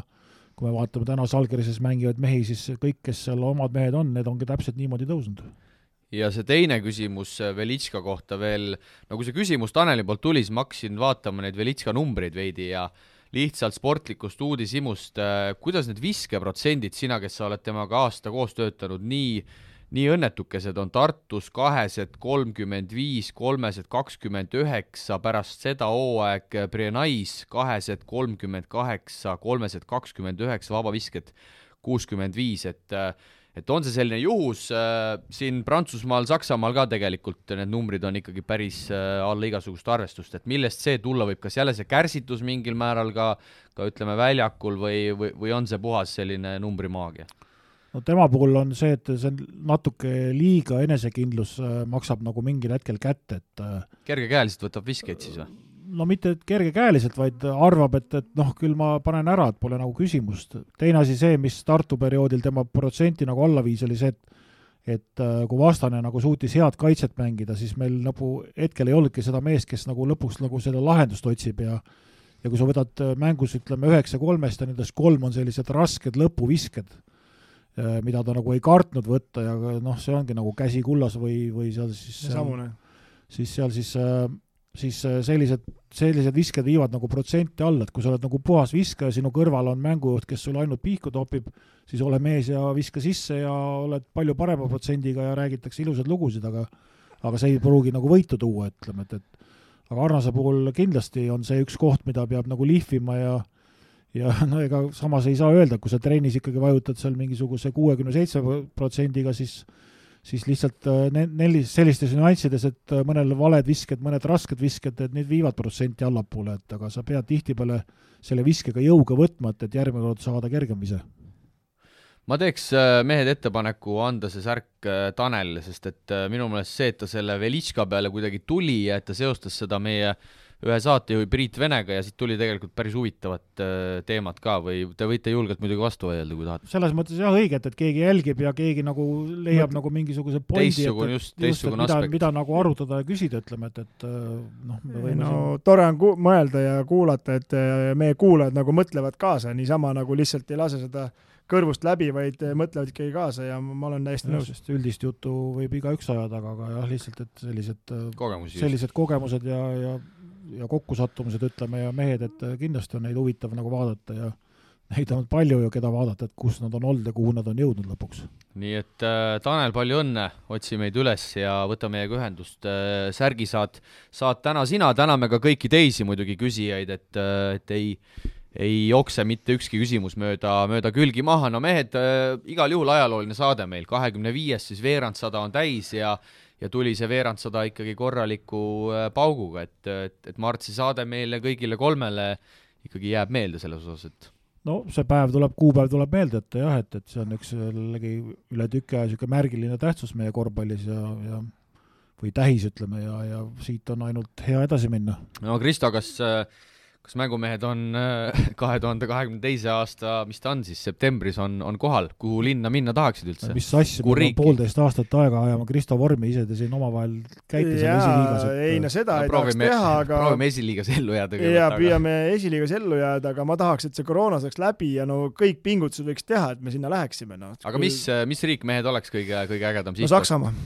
Itaalia, Saksamaa, Gruusia, Prah- äh,, Tšehhi siis on variandid no vanast armastusest võiks Gruusiasse minna. Gruusias, mina arvan ka, et Tbilisi oleks no,, oleks äge. Gruusiasse võiks küll meil on grusiinidega head suhted ka. sinna on selles mõttes hea Priiduga minna, et äh, paneb vene keelt seal, saab sellega hakkama, ma arvan, et äh. ja Tbilisis või sul on gruusia keel ka suus või? Ei, Gruusia Tbilisis oleme vist kõik mehed käinud, oleme kõik käinud ka vist, eks? mina ei ole. sina ei ole, siis Opa, siis käinud. võtame Priidu kaasa ja, ja mängumehed on ju igal juhul kohal seal. nii kaua me ikkagi et, suudame eksisteerida nüüd pärast sellist no ma ei tea, nii kaua äkki paneme jah, seal likee ja niisama share ime, keerime, kui isegi saadet ei ole, et ikkagi oleks pildis, aga oled sa vaadanud ka, kuidas see nüüd edasi läheb, et kas millal, kas tuleb loosimine või mingil hetkel ju keegi sai kedagi valida ja minu teada peaks olema sama süsteem, et ühe sõbra võid valida, et, äh, et siin Kristoga siia täna sõita mõttes veidi spekuleerisime ka, et nii, nii, miks tuleb, mitte grusiinid ei võiks tuleb kellegiga ühendust võtta, et grusiid valiksid meid. et ja. Äh, siin äh, ise mõtlesime, et kes siin esimeste valikuna oleks, et äh, Soome tõenäoliselt on enamuste lemmik, sest soomlased toovad raha sisse oma fännidega, eks.